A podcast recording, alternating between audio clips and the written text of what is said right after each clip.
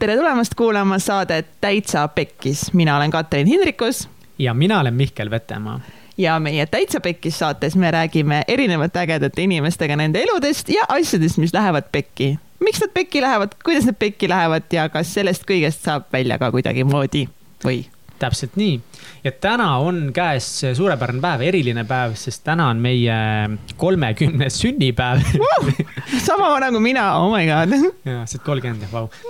Thanks. meil on kolmekümnes episood ja see episood on eriline, sellepärast et tänases episoodis me tutvustame teile ühte väga tähtsat inimest meie meeskonnas, ühte väga tähtsat inimest Katrini hinges ja no minu hinges ka natukese ja, ja, ja peale selle erilise mehe, keda me selle tutvustame, kes on üks meie ettevõtmise selgroogudest, siis äh, me räägime ka täna ettevõtlusest uh. -oh. ja, ja mul läks see mõte meelest ära ja me räägime täpsemalt siis Katsi ja Egerti ettevõtluse esimesest aastast, nende väljakutsetest, õppetundidest ja kõigest muust. ettevõte, millest me täna räägime, on United Dream Studios. Egert ja Katrin siis panid aasta aega tagasi püsti videoettevõtte, minu jaoks, mina ütlen seda videoettevõtteks, aga kõigest sellest me kuuleme juba varsti lähemalt. issand, kui tore. Aga kõigepealt tere tulemast saatesse, Egert Karu. Tere! Jess, sa saad ka nüüd esimest korda mik mikrofoni. Eh, taga olla. muidu, weird on. muidu sul on kogu aeg ainult kõrva, kõrvaklapid peas ja siis sa kuuled ainult, mida meie räägime, aga nüüd sa kuuled ka seda, mida sina räägid. aga mul on ka praegu kõrvaklapid peas ja ma kuulen isegi ennast, mis on nagu maailma kõige veidram asi. me oleme. ei või, või neid klappe peast ära võtta, jah? no ma võin, aga nagu parem on neid peas hoida parem on neid siis peas hoida. äkki te hakkate urisema Egert siis on meie, kes veel ei tea, Egert on olnud siis täitsa pekis podcast'i, saate ja kõikide muude asjade tegemiste, võiks öelda, tehniline juht. ja täna ta on siis meil siin laua taga ka ja klappe on, ta hoiab peas sellepärast, et kui me siin urisema hakkame, heli läheb käest ära, siis ta peab mingeid nuppe vajutama väikse puldi peal. aga Egert Karu no,. me oleme sind äh, mitu korda tegelikult arutanud, et kui meil ei ole kedagi olnud saatesse kutsuda, et tegelikult... siis sa käid ka, onju. siis sa sobid ka, et tegelikult peaks rääkima Egertist, et kes on see tüüp, kes filmib väga paljusid asju, mida me teeme. monteerib neid kokku, paneb ja... subtiitrid alla, paneb ja. heli kõik paika, kui ma siin hirnun hästi kõvasti, võtab nivood kõik alla ja mis sa naerad? ei, see on ikka väga õige. ja peale selle, kes veel ei tea, siis eh, Egert äh, palus äh, katsi kätt ja tundub, et Saingi. kats ütles. sain, sain terve käe. Ähm, kui ähm, teie katsi suhe algas väga kiiresti ja minu, äh, minu nali katsil oli see, et kui ähm, ühel ma ei mäleta, kevadisel või suvisel või sügisesel päeval. kevadisel pigem. me olime kevadisel päeval, me seisime solaariumi kõrval. Nonii, kõik said nüüd teada, et sa käid solaariumis, sa ei käinudki Vietnamis. solaariumi kõrval. solaariumis iga päev mängisid, et sa oled Vietnamis. ma ei või. okei okay, ähm,. vabal ajal, me käime Mihkliga vabal ajal koos solaariumis äkki peaks käima me olime, oota, mis see teine asi on, mitte Solarium, vaid Solaris. Solarise keskus, jah. me olime Solarise keskuse kõrval. ja, ma mäletan seda. Kats oli Egertiga tol hetkel siis koos olnud või midagi sihukest vist kaks-kolm kuud ja Kats siis tuleb minu juurde ja ta näost särab ja itsitab ja kihiseb ja ütleb, tal on mingi uudis mulle. no ma esimesena mõtlesin, et noh, et küllap ta on rase, aga tal oli palju hullem uudis mulle. ta ütles, et tead mida, me abiellume Egertiga ma vaatasin teda täiesti hämmindunud näoga, küsisin, kas sa tead, mis selle mehe perekonnanimi on? seepärast, et nüüd reaalselt olid kolm kuud koos olnud umbes, aga tuleb välja, et äh, armastus esimest silmapilgust peaaegu on olemas, et äh, Egert räägi meile. koos töötamisest. muidu ma räägin ise kogu teie loo ise ära, Egert, kuidas te tutvusite Katsiga? jah, tutvusime küll. ma töötasin Tallinna Televisioonis, olin režissöör seal ja siis mingi hetk tuli, tuli Katrin sinna tööle, alguses te vist tegid turundust, onju? põhimõtteliselt yes. nagu ainult turundust, eks? jah. ja, ja juba siis ta oli sihuke särasilmne, kes nagu minu meelest tõmbas terve Tallinna Televisiooni käima. mis ta nüüd ehk siis Mihkel ütleb katsile, et kats peab vait olema. kats okei tahab, puhuda mikrofoni. ja, ja ära. puhu. sa ei kuule, kui ma puhun. Egert kuuleb ta, ainult. ta, kuuleb seda oma sisimas. Vau, mida kellasid sul sees? okei, ühesõnaga. Tallinna Televisioon. jah, Tallinna Televisioon on ju Katrin, tuli sinna. Katrin tuli sinna tööle, ütle veel, et ma ei ole sellise avaliku esinemisega väga palju kokku puutunud, siis mul on. siin ei ole, siin on ainult mina ja, ainult mina ja Mihkel oleme siin. võib-olla alguses keeruline, aga jaa. ühesõnaga, Katri tegi seal turundust ja mingil hetkel tahtis ta hakata saateid tegema hullult, sest see tundus palju põnevam ja, ja sihuke produtsendi ja saatejuhtimise töö ja, ja ta tegi isegi uudislugusid nagu, mis olid siis nii-öelda turunduse võtmes.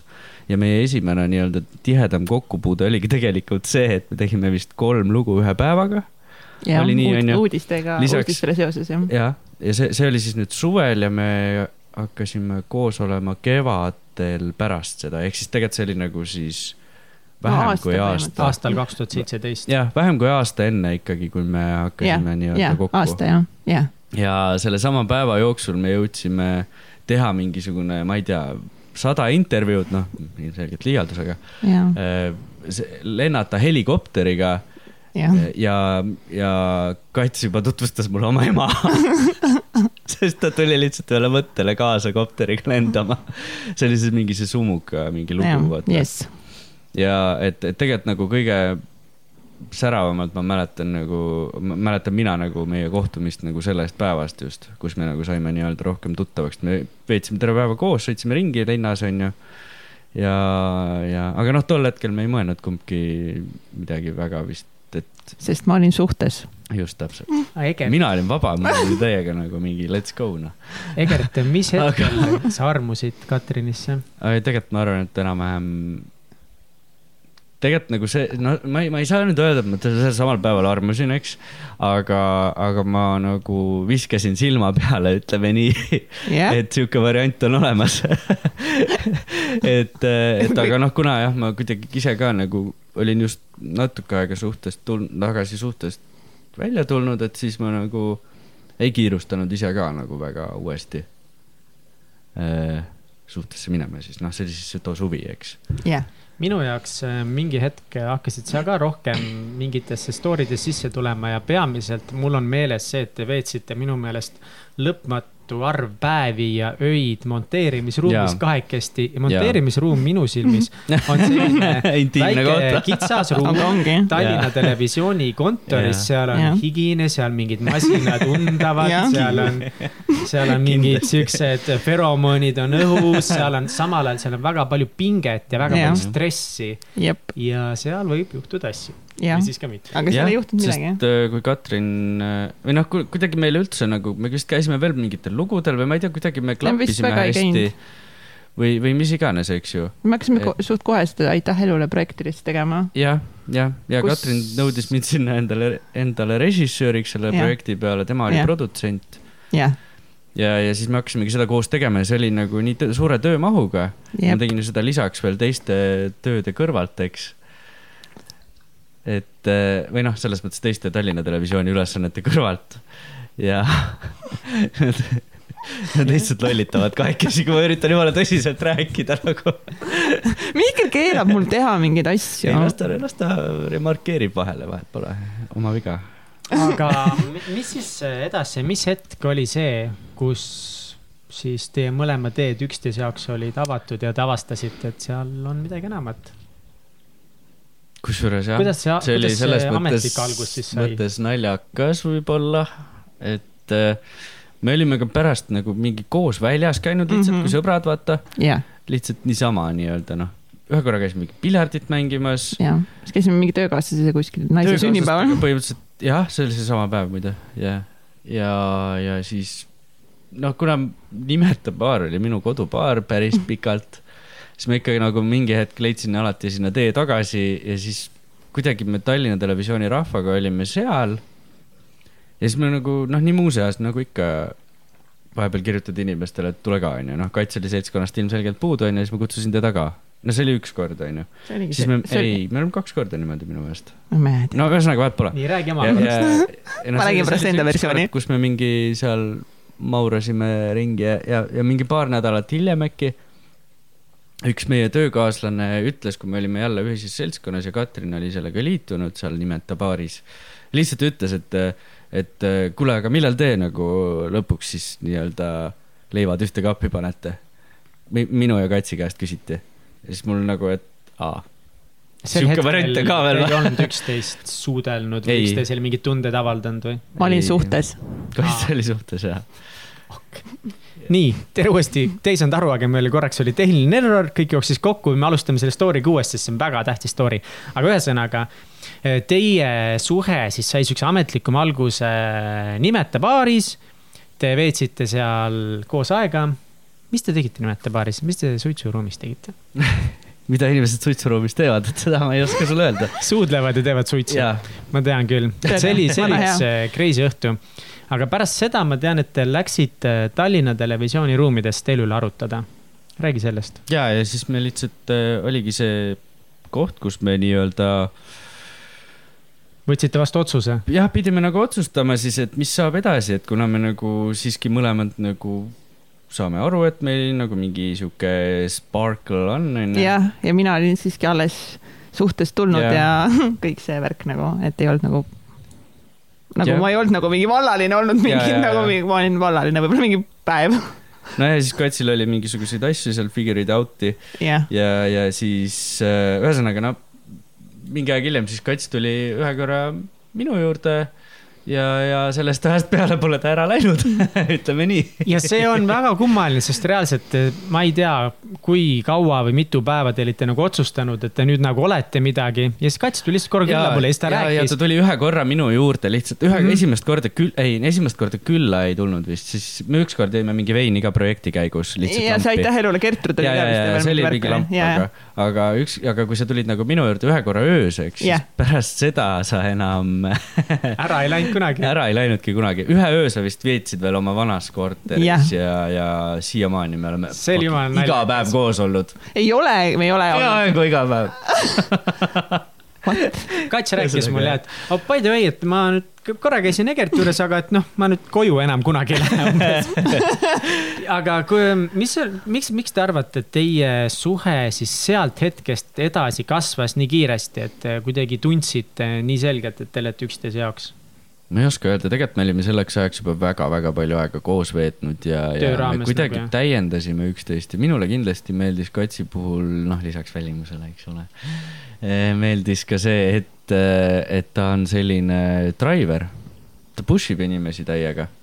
Ja, ja nende projektide käigus, mis me tegime, ta nagu push'is mind ka nii kaugele, et ma tundsin reaalselt pärast seda, et ma olen eh, arenenud nagu töö mõttes mm. -hmm. ja, ja noh, see on minu jaoks nagu ülilahe, et kedagi nagu, et keegi nagu drive ib sind nii hullult, et sa, et sa suudad ise nagu seda arengut ka veel märgata, eks ju et kuidagi see nagu see challenging äh, sihuke pool, mis, mida, mida Kats nagu teeb, Kats mõtleb meile kogu aeg igast challenge eid välja, me teeme mingid insta challenge'id, mis mul nagu noh, see, et iga päev pead ühe pildi postitama, vaata. noh, minu jaoks on see nagunii selline postitamine on sihuke nagu võõras natukese. aga ma, ma isegi, kui ma vahel mõtlen, et ma ei viitsi seda teha, siis ma mõtlen, et ma teen seda vähemalt katsi pärast. mida? või noh, saad aru? sa peaks tegema äh, sellepärast, et, et sa võtsid commitment'i vastu. jaa, aga, aga tead küll, kui lihtne vahel on lihtsalt endale nagu noh et kui sul ei ole seda compatibility partnerit, vaata. Compatibility accountability. Accountability jah, noh, ma üritan siin olla mingi fancy ja mingite sõnadega panna, onju, aga ja see partner aitab kaasa. ma tean, iseennast nagu... on lihtsam alt vedada kui teisi. jah, täpselt, et siis, siis nagu noh, et see ongi see. vahepeal nüüd mõtle seda, et nagu..., et Erki Veiko teeb ka seda challenge'it, nii et. no vot, aga see on ka sinu pärast, sellepärast et sina ütlesid talle, et tee. ja siis ta ütles, davai, ma teen. noh, ta lihtsalt on selline, vaata, sihuke drive, noh, driver, noh. aga et nüüd ma tuleks no. tagasi selle esimese, teie esimeste mingite nädalate või kuude peale. mis hetkel te esimest korda rääkisite oma suhtes abielust? Ma ei mäleta seda reaalselt, kusjuures, sa mäletad või? ma mäletan, see on nagu nii veider asi. seal ei saa väga palju valikuid olla, siis ei, sa ei saa väga nagu kaugel olla sellest. see oli ajast. nagu mingi mega, me käisime koos ühel Cincino äh, event'il. ja see oli seal äh, Rahvusraamatukogus. ja, Mihkel ja oli ka seal. ei olnud. oli küll. me oleme ühel käinud ja Mihkel oli seal. olid või? aa, ma ei tea, kus sa siis sellel hetkel nagu olid kui eh, meie head sõbrad eh, Fredi ja Aire plaanisid oma, oma siis vandeuuendusi teha Hawaii'l ja nad ütlesid, et, et võib-olla üks paar nagu ühineb veel nendega, kes tahaksid abielluda Hawaii'l. Ja siis mul oma peas käis nagu mõte mingi hmm,, see on küll lahe mõte nagu kõik koos vaata minna sõpradega mingi Hawaii'le, teha mingi pulmad, värgid, särgid nagu okei okay,, nii sinna see mõte jäi. ja siis eh, ma ei tea, üks õhtu me istusime su juures. Ja siis ma kuidagi tõin selle teemaks mm. -hmm võib-olla ma, ma reaalselt ausalt ma päris täpselt seda ei mäleta. et no, et no mis sa mõtled, et nagu mingi Hawaii ja värki ja et äkki võiks teha ja siis olid ju mingi aa davai Te olite sel hetkel koos olnud vist kaks kuud. no võib-olla neli, aga noh. no tegelikult ei olnud. no ikka see oli, sest see oli suve poole rohkem see event no,. Okay. ja, ja meil oligi tegelikult see kuupäev oli ka vist paigas enam-vähem. midagi oli paigas no, jah. Need eh, Fredi ja Aire ju panid kuupäeva paika. midagi panid jah, aga nad ka lõpuks ei läinud ühesõnaga, me lõpuks saime aru, et eh, meil ei ole nii palju finantsi, et sinna minna mm, -hmm. isegi kui meil on finantsi, siis nagu enda lähedasi meil pole võimalik sinna nagu kaasa, kaasa võtta mm -hmm. seekord nagu. sest see oleks ikka jõhker kulu olnud aga Egert, kuidas sa siis, äh, räägi sina, mida sina oma peas mõtlesid? nagu, kas äh, sul oli hirm selle mõttes, kui sa olid kohe nii kindel, et hopsti, see on see naine, kellega ma tahan abielluda? ma ei oska öelda, ma, ma ausalt ei tea, igatahes ma ei usu, et ma ole, oleks väga kahelnud selles. Ehk siis ma ei mäleta, et ma oleks kahelnud selles otsuses või nagu jah, jah, ei, lühike vastus on jah, ei, kõik nagu tundus nagu õige või ma ei oska öelda, siiamaani tundub, mis on veider. tundub õige nagu,, isegi pärast kahte aastat. et isegi kui õige. me mingi, isegi kui kõrvalt mingi tundub, et me justkui tülitseme või midagi, siis tegelikult me ei tülitse. ja, ja tegelikult me oleme väga paljudes asjades ühel nõul ja, ja, ja samas väga paljudes asjades on meil ka oma arvamus, nii et, et tegelikult nagu. kuidas sa Katsi kätt palusid? hästi no tegelikult poolspontaanselt ikkagi enda jaoks ka. Äh, mul ei olnud mingisugust äh, räme hullu plaani tegelikult. mul oli üks ma, idee. ja ma tahan rääkida, ma ei tea, kas ma Mihkel Vetemaal olen sellest üldse rääkinud äh,. Ole, ole, oled küll vist jah? ma ei tea, kas ma olen, aga nüüd me saame teada, kas ma olen sellest Mihkel rääkinud, mitte ühesõnaga. ühesõnaga, mul oli nagu mitu plaani. ja, ja, ühesõnaga oli üks plaan, me olime ühel ühe sama äh, kas see oli Meelise või, Meelise sünnipäev oli see, ühesõnaga seesama kutt, kelle stuudio, stuudiot me kasutame siin onju. tema sünnipäev oli äh, ja siis äh, meil oli täiega lahe pidu kuskil vanalinnas, kõik sõbrad olid koos ja nii oh, onju, jõime seal täiega mingeid šotte tegime ja kõike onju, ülilõbus oli.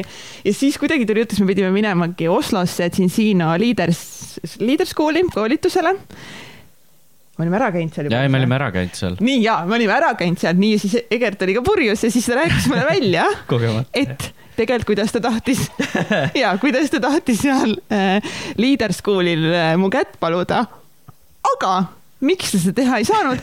sest fucking Mihkel Vetemaad polnud kohal seal aa ah,, ja, ja, seda sa rääkinud. siis ma olin mingi, mida ma noh, joogina ka, ma helistan kohe Mihklile, raisk ta mu elu ära rikku. ma arvasin jah, et mul on äh, tolleks hetkeks nagu vaja mingisugust tuge või pidepunkti ja siis ma teadsin, et nagu oleks hea, kui Mihkel oleks kohal, sest Mihkel on Katrini parim sõber, onju. ja, ja, ja noh, üleüldse, eks ju, et, et noh, tundus, et mul oleks vaja seda support'i, noh, sellepärast et see on, see on nagu üliraske asi ja ma tahtsingi ja. teha seda siis äh, äh ma rääkisin tegelikult isegi Frediga sellest mul oli Frediga tegelikult räägitud ka, sest Fredi on äh, siis siin Siino Eesti üks nagu liidritest, nagu liidritest jah, et kes nagu nagunii läks sinna. ja väga hea sõber. ja kes oleks saanud seda nagu, ma arvan, korraldada, vaata. aa, ah, sa tahtsid seda teha lava peal, eks ja, ole? ja, ja, ja noh mm -hmm., niimoodi, et seal ma ei tea, palju seal inimesi oli. neli tuhat, et, et vist kaks tuhat viissada inimest, kaks tuhat viissada inimest. ja ma mõtlesin, et ma mingi hetk hüppan lavale ja mingi ütlen Katsile, et ma lähen vetsu või midagi sellist ja siis lähen ja, ja siis noh, ma lootsin, et, et, et Fredi äkki saab aidata meid selle korraldusega, sest ta on nagu seal käpp, mhm, vaata mm. -hmm aga jah, siis sai otsustatud nii, et, eh, et eh, see. väike mikrofoni urin, uriinivärk tuli siis aga ühesõnaga, seda ei toimunud seal. aga kus see toimus? ja, ja sellega on sihuke omamoodi lugu. ehk siis me tegime mingisugust saadet, kas see võis olla Suvestuudio? jah, see oli Suvestuudio. tegime Tallinna Televisioonis seal siis uut Katsi projekti Eh, mille nimi oli Suvestuudio, me käisime noh, terve suve ringi igal pool üle Eesti ja tegime saateid hästi palju, igasugust muusikat ja värki yeah.. ja, ja siis mingi hetk oli seda kõike minu jaoks liiga palju. Seda tööd mingi ja hetk seda, värki. rahvas, ma ütlen teile, milline see mingi hetk oli, me olime nagu terve suve hustle'inud lihtsalt no, nagu mingid täispsühhopaadid onju, nagu lihtsalt mingi kuueteisttunnised päevad montaažiruumis. ja see oli mingi viimase saate, kokku ja see oli, ja see oli lihtsalt rahvas, ma ütlen teile, see oli nagu suve meie viimane saade, mis Jaa. oli vaja nagu best of kokku lõigata, onju. ja, ja, ja siis me pidime Sa- Saaremaal edasi sõitma ja seal nagu, et teeme viimase saate salvestused seal ära ja me sõidame kohe otse Horvaatiasse. Me juba monteerime nagu klipid varem valmis. Viimane saaderahvas, viimane, nii. kus siis Egert tuleb, ütleb mulle, mina istun montaažiruumis, Egert peaks tulema monteerima mu klippe, Egert tuleb, ütleb, et noh, nüüd on tal kõik. et noh, nüüd on tal äh, süda puperdab ja tema saab infarkti, insuldi ja kõik jutud koha peal kohe ära nagu ja tema quitib ära selle show. aga tegelikult ka see oli nagu, see oli, tundus, see hakkas nagu füüsiliselt siis, siis veel tulid seal mingid välja mingid asjad, et sa ei, et sa ei saa nagu piisavalt need tundidest raha, mis ühesõnaga, ühesõnaga mingid finantsiasjad olid seal mängus, mis nagu tõmbas täiega vaata muti alla ja siis Egert ütles, et tema läheb minema ja ta läks. rahva, ta lihtsalt läks minema ja mina istun üksinda montaažiruumis suve stuudio peaprodutsent. ja üksinda ja ma olen lihtsalt okei okay,, mis nüüd saab nagu. Ja siis ma olin mingi okei okay,, et ma siis hakkan ise neid klippe vaatama välja, kirjutan mingid sekundid ära ja lihtsalt nagu palun, et keegi teine kokku monteerib nagu. noh, mis poleks tegelikult ka olnud nagu jaa, aga kell oli õhtu juba, jaa, järgmine hommik pidime juba ära sõitma. ma olin mingi okei okay,, no pole hullu, vaata, leian mingid lahendused ise mingi ja tunnid lihtsalt tiksuvad edasi, kell on mingi üheksa õhtul, emps vaata helistab mulle, kuule, mis toimus, Egert läks ära, vaata mingi nutan seal, montaažiruumis ja mingi aa, et nagu viimane pingutus veel kõik on pekkis onju, nagu konkreetselt paar tundi läheb mööda, Egertit ikka ei tule tagasi. no ma jälle mingi helistan empsule, Egert pole ikka tagasi tulnud veel, ma ei tea, mis saab, vaata, okei okay.. ma olingi juba ja siis oli kell mingi erast juba kaksteist saanud no ja siis tuli Egert tagasi, siis tal olid mingid lilled ja mingid värgid. ma arvan, et see oli mingi kümne ajal, sa pead ikka nagu veits, veits üle ka. see oli jumala öösel. no see oli hilja ja. Ma olin seal, ma olin seal mingi neli-viis tundi. me juba elasime koos, ma poleks jätnud sind kella kaheteistkümneni sinna. kas sa üritad praegu saates hea poiss olla? jaa, nii, mul on nii Kats, häbi Kats, tegelikult. räägi edasi. Mul on me tahame Katsi versiooni kuulda, nii, räägi edasi. ühesõnaga, ma täpselt ei mäleta, mis kell, aga ühesõnaga ma olin mingi neli-viis tundi üksi seal montaažiruumis istunud ja mingi mauranud onju, mõelnud nagu, kuidas mu elu on läbi, sest mu viimane saade lihtsalt ei lähe eetrisse. aga siis mingi hetk Egert tuli ikkagist tagasi, tal olid mingid lilled ja värgid-särgid nagu ja siis äh,, siis me leppisime ära ja siis äh, ja siis ta monteeris selle saate ära. aga jah, kuna nagu Horvaatiasse sõit oli, oli lähenemas ja, ja tegelikult nagu ma olin siis tolleks hetkeks juba otsustanud, et ma tahan Horvaatias Katsile abielu ettepaneku teha, siis äh, tol ajal, kui Kats seal ängistuses ootas mind, siis ma käisin sõrmust ostmas. mis on nagu maailmalaps, see oli nagu mingi meie esimene selline, kus ma olin nagu ei. hea mingi. see oli Ah. ainuke aeg, kus mul oli veel viimane võimalus see ära osta, sellepärast et me olime reaalselt kogu aeg ninapidi koos. Ja mul ei küll. olnud seda poolt tundi ka, et ma saaks poes kuskil üksi käia. kui me läheme koos shoppama, ma ei saa minna ju noh, see ei ole loogiline. Ei tea küll, miks. ei tea jah. et, et jah, siis ühesõnaga ma ostsin selle sõrmuse ära, noh et, et, et, siis nii-öelda Horvaatias seda teha. noh, kuna ma teadsin ka, et noh, Mihkel oli mu tugipunkt too hetk millegipärast. me käisime koos kõik jaa, Horvaatias. Mihkel ja Jenny ja Mihkli onupoeg, tädipoeg. tädipoeg mm. -hmm. Artur, Artur. meie veebivõlur. jah, käisid lennukiga, just. just, nemad läksid lennukiga Horvaatiasse ja meie sõitsime Katsiga autoga sinna. ja ühesõnaga jah. Meil oli täiega lahe puhkus. koos seal mingi nädal või, Mhm. nädal aega veetsime koos ja meie Katsiga läksime edasi trippima autoga.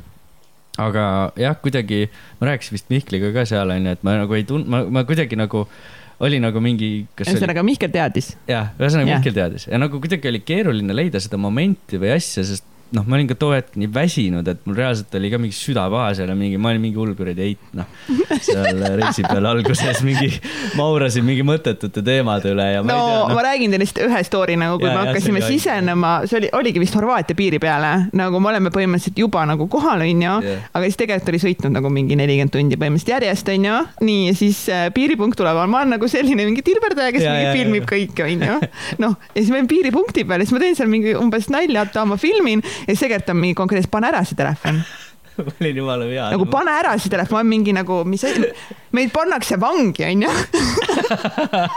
ma olen mingi ha-ha-ha, oi pannaksegi, et noh, et noh, teen nalja nagu, aga noh, ilmselgelt, kui see piiripunkti konkreetne koht tuleb, siis ma ilmselgelt ei, seda tüüpi ei filmi nagu noh, näkku, ma tahtsin lihtsalt nagu niimoodi salaja veits filmida ja siis ju Egert ütleb mulle, ei, kui sa praegu ka mind ei kuula, no siis on kõik nagu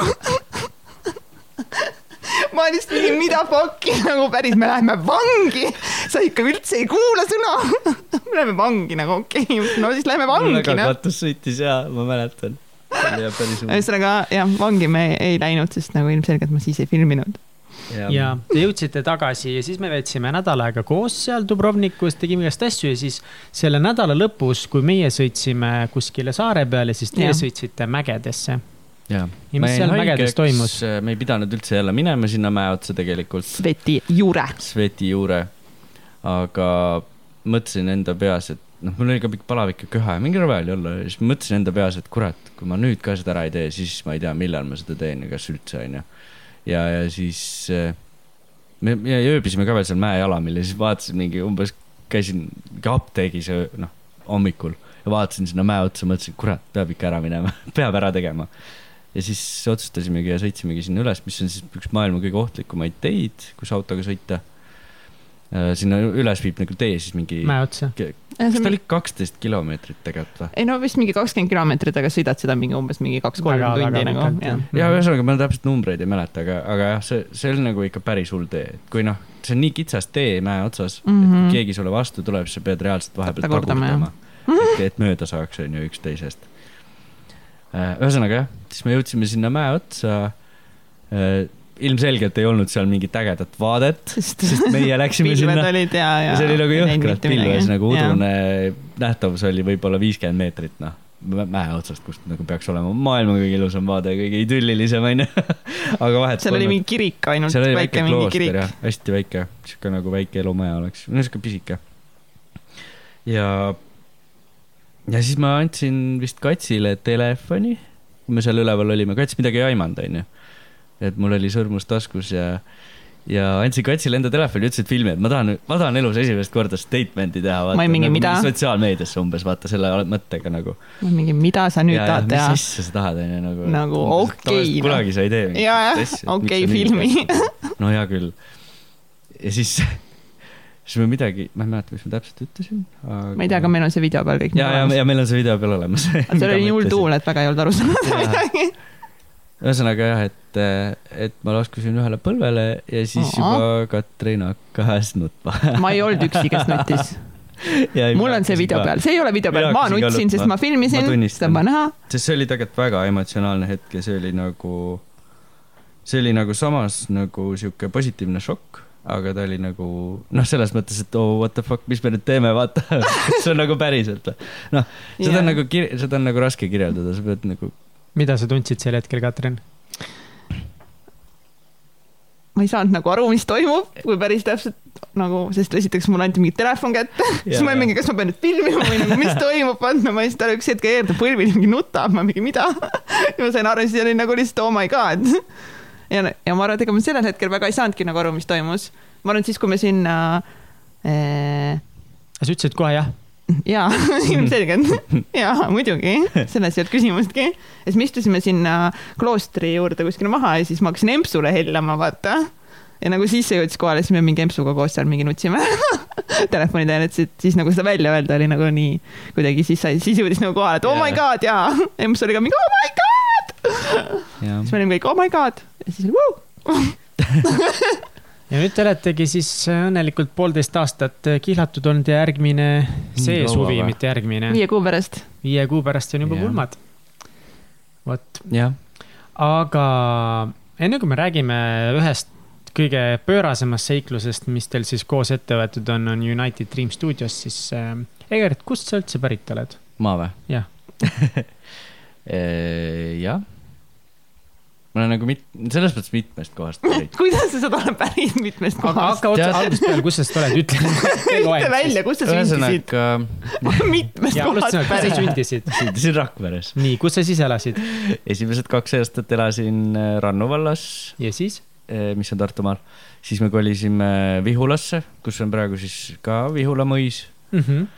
ja siis? Äh, seal me elasime kuskil seitse aastat, ehk siis mingi alates kolmandast klassist kolisime Rakvere lähedale Vinni, käisin Vinni Pajuste gümnaasiumis seal põhikooli lõpuni mm. -hmm. ja siis pärast seda läksime Tartusse emaga, siis juba kahekesi ja elasime seal kuskil viis aastat, ema elab siiamaani Tartus. ja seal Tartus ma käisin gümnaasiumis ja pärast gümnaasiumi ma läksin äh, Tallinna Televisiooni tööle ehk siis Tallinnasse ja nüüd ma olen kaheksandat aastat Tallinnas. jah ehk siis ma, mina ütleks tegelikult, et ma olen pärit äh, nii äh, Lääne-Virumaalt, Rakverest päris halb öelda, või nagu ei saa öelda. Lääne-Virumaalt, Tartust ja Tallinnast okay.. ehk siis sellepärast, et need on olnud nagu kolm väga suurt eluosa mm. -hmm. No, et ma ei saa öelda, et ma olen ühest kohast pärit. No, ma olen küll. kõikides kohtades. Mihkel, kust sa pärit oled? Nagu... Võrust elanud terve elu Tartus ja Tallinnas. no exactly no ma nüüd proovisin hästi, nagu Jah. see on nii lihtne vastus, kuigi tegelikult ma saan no, aru. tegelikult ei ole, vaata, sest terve... südames on ju nagu mingid kohad. No jaa, aga sa oled kolinud hästi palju, vaata, Jaa. siis tõenäoliselt see ongi teistmoodi, Ma nagu mina olen sündinud kolinud. ja kasvanud Tallinnas. Lasnamäel what a story nagu. ja ma olen Lasna Pihv. isegi Lasnamäel, nagu mitte ainult Tallinnas. jaa, ma ma olen täiega Lasna huudis, nii et don't mess with me. I got some skills nagu mad skills. Eh, miks sa, mis siis gümnaasiumis toimus, kas sul oligi mõte kohe pärast gümnaasiumi tööle minna või sa tahtsid ülikooli ka minna või üldse ei olnud mõtet või mis toimus sinu peas gümnaasiumis? põhimõtteliselt nii, et ma käisin Tartus Kivilinna gümnaasiumis, kus, kuhu ma tegelikult läksin ka nagu teadmisega, et ma sinna video, foto ja sinna suunda nagu, nagu liigun. Mm -hmm. ehk siis ma olin põhikoolis juba ka proovinud mingi, mul oli mingi seebikarp, millega ma tegin pilte, siis noh, lihtsalt niisama on ju, digikas. Ja, ja mul onu oli ka nagu videotega seotud juba too hetk. ja see kuidagi see maailm nii väga huvitas mind ja värki, et ma teadsin, et kui ma lähen gümnaasiumisse, et siis ma tahan kindlasti nagu seda, nagu siis seda suunda. vaata, sest noh, sel hetkel juba oli nagu hästi palju igast suundasid, mida sai valida Mm -hmm. Eh, tehnika, tehnoloogia ja meediaklass siis Kivilinna gümnaasiumis. ja seal eh, kohe esimene asi, mis meediasuunal oli, oli koolitelevisioon. ja minu teada meie lend oli kõige aktiivsem selles osas, kõigile hullult meeldis seda teha täiega. ja, ja mina siis olin eh, koos paari klassiõega eh, üks põhiaktivist, kes, aktivist, kes siis nagu, kes me siis kogu aeg nagu tegime seda asja. Ja samamoodi üks klassiõde tegelikult oli Räme Driver, kes nagu ka mind tegelikult hästi palju kaasa vedas igasuguste asjadele, no samal ajal me tegime mingeid õpilasfirmasid, mingeid lühifilme, käisime mingisugustel äh, lühi, noh, kooli lühifilmide festivalidel igasugused, neid on Eestis päris palju, onju. ja saime sealt noh, mõningaid väikseid auhindu ja, ja nagu tore oli. ja sealt edasi läks äh, kuna meie ko- koolis meediaõpetaja oli seotud ka Anne Noortekeskusega Tartus, siis seal oli noortetelevisioon. Seda just ka hakati looma tegelikult too hetk. noorteraadio oli seal juba pikalt toiminud, aga sinna kõrvale taheti teha siis nagu noortetelevisiooni. ja siis hakkas see töö seal pihta kuidagi, kuidagi ma sealt ennast leidsin ja, ja mingi järgmised paar aastat ma seal kuidagi nagu figureerisin ka hästi palju ja olin ka üks kõige aktiivsematest liiget, liikmetest ja siis kusjuures läbi selle noortetelevisiooni äh, seal oli äh, seal oli üks juhendajatest siis seal Anne Noortekeskuses oli Peeter Taim ja tema kuidagi, ma ei tea, mis, mis väel ta siis oli nagu ka Tallinnas noorsootöötaja ja siis seal kuidagi noh, pikk jutt lühidalt seal Lasnamäe noortekeskuses oli selline nagu aktsioon, et noored ise värvivad äh, seinad ära, teevad siis mingit graffiti või mis iganes, noh, lahe on ju, et tehakse remonti, aga noored ise teevad. ja siis sellest äh, Petsil oli mõte, et teeks telesaate nagu reaalselt. no ja siis mõtlesime, et teeme koos, davai. mina olin ju põhimõtteliselt noh, omast arust ma olin kõva režissöör, eks ju, aga tegelikult too hetk ma olin nagu täiesti noh eh,, kuidas nüüd öelda, roheline. mitte keegi. mitte keegi ja lendasin Tallinna Televisiooni uksest sisse, nii, nüüd ma hakkan teile saadet tegema. Noh, Pets oli muidugi kõik müügitöö juba ära kusjuures korra segan vahele, et tegelikult see on jumala lahe, et sihuke olid ja ma olen päris palju lugenud ja vaadanud siis. seda, et äh, miks äh, tänapäeval ka väga paljud noored läbi löövad, ongi see mõnes mõttes see, naiv, see naiivsus mm. -hmm. tegelikult sul edus, mis edus, sul äris ja spordis, sul lähebki vaja natuke seda naiivset mõtlemist, enesekindlust, ma tean kõike, ma lähen teen. ja seda ja seda julgust lihtsalt Jaa, teha jaa, seda et mul suva, et mul pole neid oskusi, teadmisi, kogemusi sa võid isegi arvata, et sul kõik on need oskused, seda enam. sa arvad, et sul on need oskused, sellepärast sa julgedki minna. ja, ja. ja see on palju. räägitud, tegelikult see noorte naiivsus, et nad arvavad, et teavad kõike, mõnikord tuleb jumala kasuks. aga siis peab olema valmis kiiresti ümber õppima, sest sa saad suht kiirelt aru, et sa ei tea kõike. nii, ja, ja just. tegite seda ühesõnaga jah, et ma olin nagu Tallinnas käinud enne ka, seesama Peeter korraldas noortekeskustes äh, koolitusi ja ma leidsin ennast kaheksateistaastaselt koolitajana, mis oli päris lahe tegin mingisugune neli koolitust Tallinnas vist, ma elasin too aeg Tartus. see oli ka siis video ja pildi. ta oli jah, selle ja, ja ajakirjandus ja, ja, ja video, ehk siis oligi see, et no pigem nagu, pigem nagu uudis, kuidas nagu uudist teha a la mingi sihuke koolitus mm. -hmm. ja, ja noh, siis sellepärast me olimegi Petsiga nagu koostööd enne ka teinud ja siis me teadsime üksteist ja, ja siis ta nagu soovitaski mind eh, sinna, noh, et, et seda Tallinna Televisiooni saadet teha. et see oli siis nii-öelda prooviprojekt. siis see, see noorte graffiti värk, seda, selle saate tegemise mõte oli Tallinna Televisioonil. ei, ei, ei. See oli Petsil. see oli Petsil, eks, kes oli noorsootöötaja ja. Ja kes oli noh, kellega me olime selles mõttes väga head sõbrad on ju too hetk. ja, ja tegime igasuguseid projekte koos, et noh, ma olin nagu nii-öelda see aga noor, kuidas see kes Tallinna Televisioon figureeris seal siis? Äh, sest Pets mõtles, et see võiks kuidagi teles kajastuda, see kogu see Aa. üritus, vaata. noh okay., see värvimise üritus. ja. siis mingi nädala aja jooksul äkki filmisime, ma ise elasin seal noortekeskuses samal ajal mm. -hmm. sellepärast et mul ei olnud kuskil ööbida. ja siis, ma ei tea, kas seda tohib rääkida, aga noh, ei no vahet ei ole tegelikult nagu ikka nagu,, selles mõttes mingi diivani peal magasin seal noh Noh, normaalne. Isegi ma ei teadnud seda.. ja ma olen Lasnamäel elanud nädal aega, aa, Tallinnas või? Tallinnas. aa, ma mõtlesin Tartus. Aa, see- Tallinnas, ma sain muidugi aru, et sul pole kuskil ja see oli juba Tallinnas, aa, siis see, see Tallinna Televisiooni saateprojekt. ja, Lasnamäe noh, noortekeskuses. see on liiga lebo. ja, ja. jah, sõin seal mingeid kiirnuudleid ja värke ja sihuke noh, huvitav aeg oli.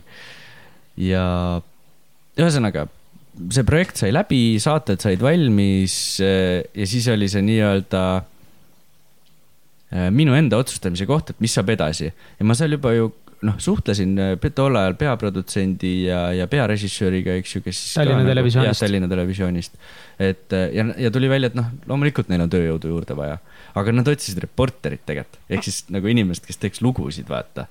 noh, kuna ma monteerida tegelikult tol hetkel juba noh, no ma oskasin sellel Mhm. tasemel, mida vaja oli, et seal töötada. siis eh, ma ise tahtsin nagu monteerida, siis ma tegin seal mõned lood vist. Aga aga ühesõnaga, sa läksid proovipäeval, reporteriks, läksid tööle alguses. proovipäeval ma käisin reporterina ja ma tegin isegi kas neli või viis uudislugu, mida ma väga ei tahaks meenutada.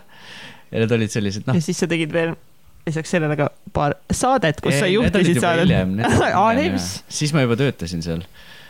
aga jaa, ühesõnaga eh, sellest reporteri tööst nagu ma tundsin, et see ei ole minu töö, ma ei ole sisulooja. Ma olen pigem nagu sihuke noh, pigem nagu tehnilise poole peale ja, ja, ja pigem montaaž, eks ju, ja, ja operaatori töö oli nagu see, mida ma olin teinud enne ka ja milles ma tundsin ennast mugavalt. ehk siis äh, ja siis ma käisingi niimoodi, et ma monteerisin äh, uudiseid alguses seal Tallinna Televisioonis. tähendab, oota, mul läks korra sassi. tead mida? ausalt läheb nii pikaks. Pole üldse hullu, pole Jaa, üldse hullu aga räägi parem jaa. seda, mis on olnud sinu kõige, ühesõnaga me saame aru, et. ma ei oska väga lühidalt rääkida Noor- no,. ühesõnaga sa lõid projektidest., sa lõid jalaga uksed lahti, ütlesid, siin sa oled. ta ta sul nagu polnud mitte mingit teadmisi, oskusi, kogemusi, sulle ei, anti mul olid võimalus teadmised, oskused, mul ei olnud kogemusi. saad aru? Nagu ma tegelikult olin ju teinud seda juba aastaid, seda montaaži ja asja. aga nagu Aga koolitelevisiooni tasemel. jaa, täpselt. noh, aga et sinna sa läksid ikkagi, lõid jalaga ukse lahti, ütlesid, siin ma olen, võtke mind ja sind võeti jah. ja siis hakkasid ise hustle ima seal, kuni sa otsustasid, et sa tahad resi-, resi-, režissööriks saada, siis sa said. ma olin Jah. jah, ühesõnaga ma olin nii kindel, et ma saan Tallinna Televisiooni tööle, kui ma seal veel ei olnud, et ma juba ühe sõbra käest küsisin, et kas ma saaksin tema siis isa majas äh, elada. Nagu, Tallinnas, jah paar nädalat enne, kui ma üldse nagu teadsin, et ma võiksin minna sinna nagu elama. no ühesõnaga, ma olin nagu nii kindel, et ma Jah. lähen Tallinnasse Õige. elama vahet pole nagu no matter what, vaata, ma võtan selle elamise No mul on what, koht olemas ja, ja põhimõtteliselt jah, hustle isin siis nagu mingi pool aastat seal, kuni siis nagu hakkas mingit palka tulema. alguses muidugi ema aitas ja maksta mingit arveid ja asju, eks, et noh, oli raske. ülikõva, vot, näed. jah, isegi tasuta sihuke nagu pikk jutt lühidalt on nagu see. mis on olnud sinu selle televisiooni, kogu selle maastikul üks kõige suuremaid äh, väljakutseid? kõige. jah, kui jätta võib-olla praegu välja teie enda ettevõtlus mm. -hmm. aga just sinu nii-öelda eelneva elu, mingi üks suur väljakutse või pekkiminek. mm.. raske öelda jah, sellepärast et see on olnud nagu. jah, ei ma arvan, et see tos-, too nagu ka, nende katsi projektide tegemine oli nagu kõige suurem väljakutse tol mm Mhm. -hmm. hetkel, sellepärast et ma olin äh, mingisuguses mugavustsoonis seal äh, televisioonis mm. Mhm. -hmm. et äh, ma tegin nagu nii palju ära, kui oli vaja. ma nagu ei pingutanud lisaks, noh, vahepeal küll, onju, aga alati ei viitsinud, sest mm -hmm. noh, teed oma mingid uudised ära, lähed koju, onju, oravaratas põhimõtteliselt. Ja kui kats tuli, no siis lendas ju kõik nagu, siuke nagu lakke. lakke jah, et kõik lakke. nagu emotsioonid ja kõik asjad tulid juurde sellele tööle, mis oli, mis oligi lahe. ja challenge oligi see, et nagu sellega sammu pidada, selle enesearenguga ka. et, et see oli nagu. uute väljakutsete uute projektide, sellega te töötasite kuusteist tundi päevas vahepeal Jaa. nagu päriselt ja kõik olles see. nagu palgatööline nagu palgal, palgal niimoodi, et see mm. -hmm. et sa ei saa mingi ületundide eest raha või nii, vaata mm. -hmm. et, et see on nagu vabast See tahtest justkui tegelikult on ju. jah, äge, Aga- nüüd ma tulen hoopiski selle teema juurde, et nüüd siis äh, Egertile ka nagu Mihklilegi väga meeldib rääkida asjadest ja endast ja kõigest. Ma tegelikult meeldib, Jaa, täiega. tegelikult meeldib ja, Jaa. ma ei saa midagi teha. ma saan aru, ja et te me olete peaksime nüüd, tegema mingi kümne, kümnetunnise saate. kui kaua te nüüd olete Mihkel, oma Mihkel firmat aeg mind teinud? kätega siin. kui kaua me oleme firmat kui teinud? kaua te olete Katsiga me koos praegu? asutasime United Dream Studios OÜ. Mis on see original või TM või kuidas see öeldakse? aasta ja, no see oli aasta ja mingi kaks kuud detsember, tagasi, jah. a la detsember kakskümmend seitse, kaks tuhat seitseteist ehk siis äh, aastavahetusel põhimõtteliselt. okei, kas see Äh, oli, kuidas kuidas see otsus tuli? mõlemad sel hetkel te olite palgatöölised mm Mhm. -hmm. Ja töötasite üle, palju Jaa. olite närvilised. too, too, see oligi ilmselt see nagu põhipõhjus, et, jah, et kuna me tahtsime nagu ägedaid asju teha, aga me tahtsime nagu niimoodi teha, et keegi ei saa öelda, kuidas me peame tegema, põhimõtteliselt. et me saame nagu ennast väljendada nagu ise juhtida oma ise projekte. juhtida oma mm -hmm. projekte selles mõttes. Ise me ei pea kellelegi vastu, nagu selle, noh, peale kliendi, eks ju, me ei pea nagu kellegi ees Mhm. vastutama. nii et see oli, kas see oli pigem lihtne otsus teie jaoks eh, omavahel nüüd kokku võtta, et kuule, Kats, kuule, Egert, et teeme firma, jah Jah, ja,. kas see oli, see otsus oli lihtne aga esimesed sammud, esimene samm oli see, et äh, me lihtsalt äh, mõtlesime, et teeme nii, et registreerime ära ja siis vaatame, mis saab. see oli minu meelest ju niimoodi, et sa samal ajal monteerisid äh, aastavahetuse jaa. saadet äh, kodus ja siis ma istusin äh, diivani peal läpparis tegid logo. ja oli niimoodi, et davai, et kuule, et registreerime nüüd ettevõtte ära ja siis ma olin mingi davai, ma mõtlen siis nime välja.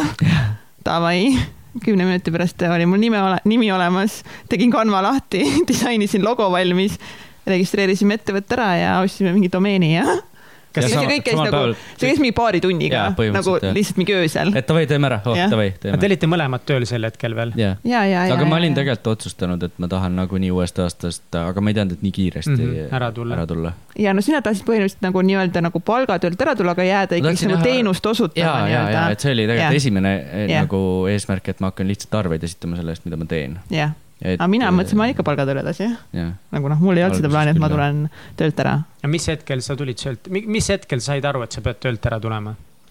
ma sain sel hetkel aru, kui lihtsalt ma tundsin, et see organisatsioon ei toida mind enam, see juhtimisstiil ei sobi mulle ja mulle ei anta enam nagu neid võimalusi, et ma saaksin areneda. et kui mulle öeldakse, et äh, nagu pea hoogu enda ideedega ja võta rahulikumalt, siis ma ütlen nagu mida? mis mõttes rahulikumalt, what? nagu ma tahaks just nagu gaasi juurde panna, mitte nagu rahulikumalt võtta siin neid asju ja ja, ja ma olen alati ikkagi tunnistanud seda, et, et mul on nagu mingi oma meeskond ja mulle ei, ei antud turundusse rohkem inimesi. ja kui lõpuks see inimene anti, siis see läksid jumala asjad jumala pekki. ja siis ma saingi lihtsalt aru, et nagu nüüd on see hetk, kus ma lihtsalt pean ära tulema.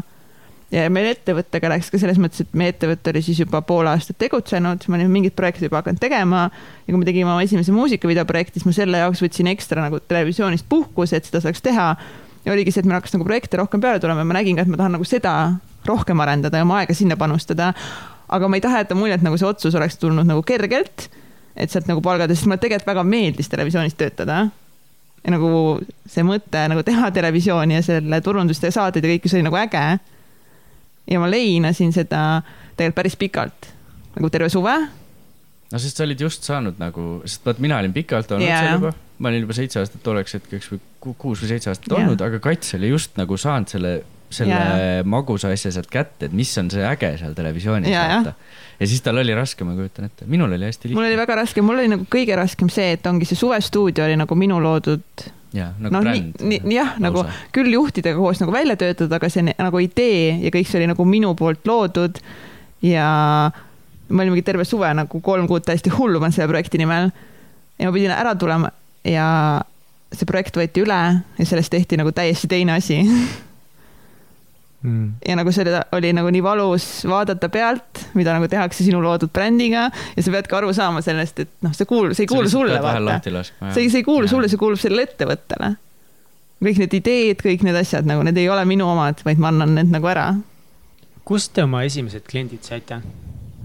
meil oli niimoodi, et et samal ajal, kui ma Tallinna Televisioonis töötasin, siis me tegime koostööd ühe meediaagentuuriga ja meil oli ka seal oma väike nagu kontorituba, siis me mõtlesime, et me hakkame, et meil oleks vaja nagu enda produktsiooni väikest nagu kontorit. Nad olid nõus meile rentima enda väikse toa nagu väga väikse, kus Egert saaks nagu monteerimas käia. no sul oli oma lauapind veel eraldi. mul oli mingi lauapind jah, kus ma nagu vahepeal umbes mingi tunniks ajaks päevas vaata nagu ja, läksin, et lihtsalt nagu teha. ja selle agentuuri kaudu tegelikult meil tulid nagu esimesed kliendid. nagu Vabamehe tee, üks hästi lahe seminar, kui Tiit Trofimov on käinud meil saates ka Tiit ja Raivo ka kindlasti varsti tuleb, et see oli nagu sihuke esimene projekt, nagu rahaline projekt yeah., kus meile nagu maksti raha. ja siis tuligi sealt üks joogaprojekt ja, aga kõik see ikkagist alguse sellest Meelise muusikavideost, mis me tegime.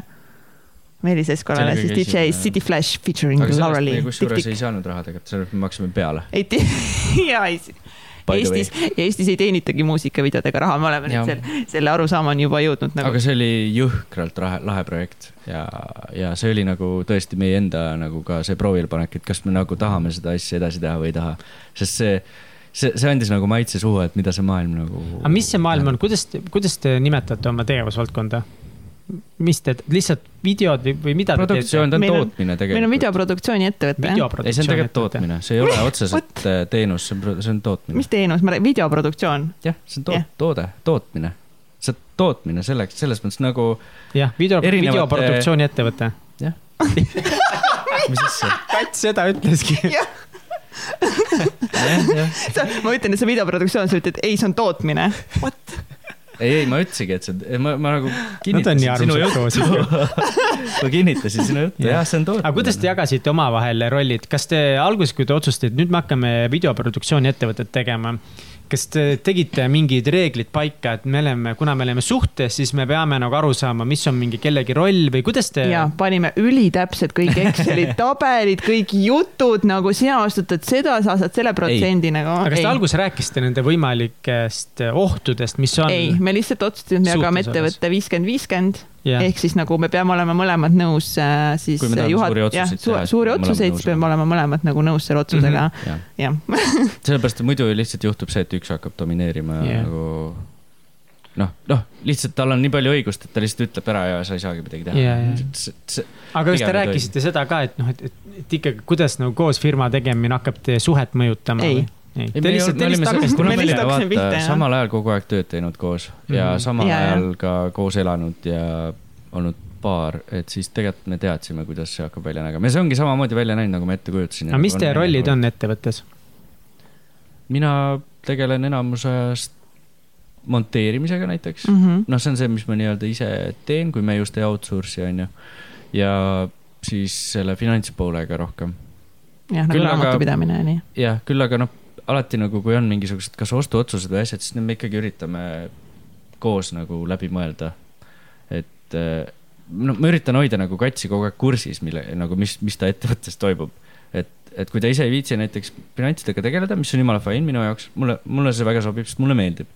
mul on jumala lahe, mulle meeldib raha jagada, peaasi, et kui raha sisse tuleb. mulle meeldib täiega arveid maksta kusjuures, see on täiega hea tunne, täitsa tõsiselt, ma räägin, ma isegi nagu ei ilusta. siis, kui on raha arvete maksmiseks. jaa, siis kui on raha.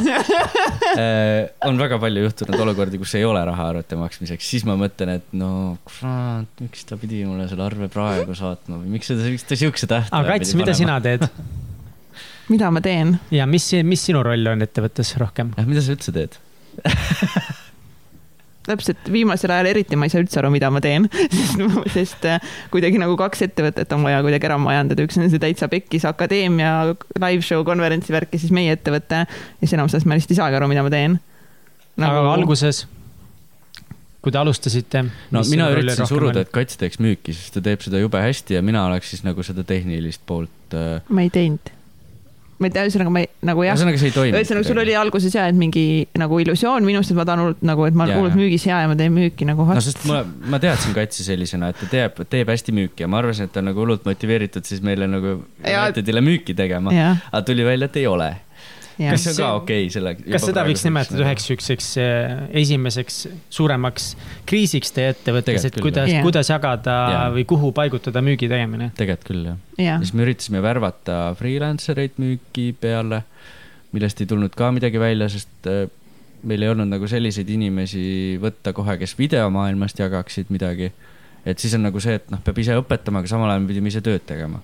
no kuidagi esimene Ei no aasta oli lihtsalt jah, see, et äh, et need projektid alguses tulid kuidagi nagu iseenesest või nagu, tuttavate kaudu põhimõtteliselt. sest ma postitasin väga palju nagu sotsiaalmeediasse ja rääkisin kogu inimestele nagu millega me tegeleme, siis neid projekte nagu tuli nagu ongi soovituste peale, üks hetk lihtsalt Jah. üks äh, golfi omanik äh, helistab mulle, et kuule, jõu, et tal on üks Soome ke- sõber on ju, kellel on vaja telereklaamiga abi, palun aita kohe. kohe, noh golfiväljaku jaoks või golfi nagu klubi jaoks? klubi jah, jah, Mhm. see Jah. oli üks golfiagentuur nii-öelda, mis siis. jah, nagu me tegime, esimene telereklaam oli Soome Mhm. Viasati, noh vot, et kuidagi need jälle nagu tulid need, aga oligi nagu siis see suvi oli nagu raske selles mõttes, et äh, et tegelikult kuskil justkui eeldas, et ma hakkan müüki tegema, mina ei tahtnud müüki teha, pluss ma olin nagu masenduses kogu sellest palgatöölt ära tulemisest ja nagu ma tahtsin lihtsalt nii, niisama kurb olla ja nagu masenduses kodus teki all onju nagu ma tahtsin seda teha, aga ma nagu noh, muidugi väga seda välja ka ei öelnud, et. paar korda õnneks ütlesid, siis ma sain lõpuks nagu aru, sest ma tegelikult ka eeldasin, ma noh, ma mõtlesin, et me oleme nii hea tiim, et ma teen tehnilise poolega tegelen ja mingi finantsidega tegelen mina ja Kats siis müüb täiega. ja, et ühesõnaga, et ma teen kõik asjad ära. projekte sisse nagu. jah, ühesõnaga ma teen nagu kõik ära, siis sa lihtsalt nagu majandad väikeste asjadega nagu eelarved ja nii.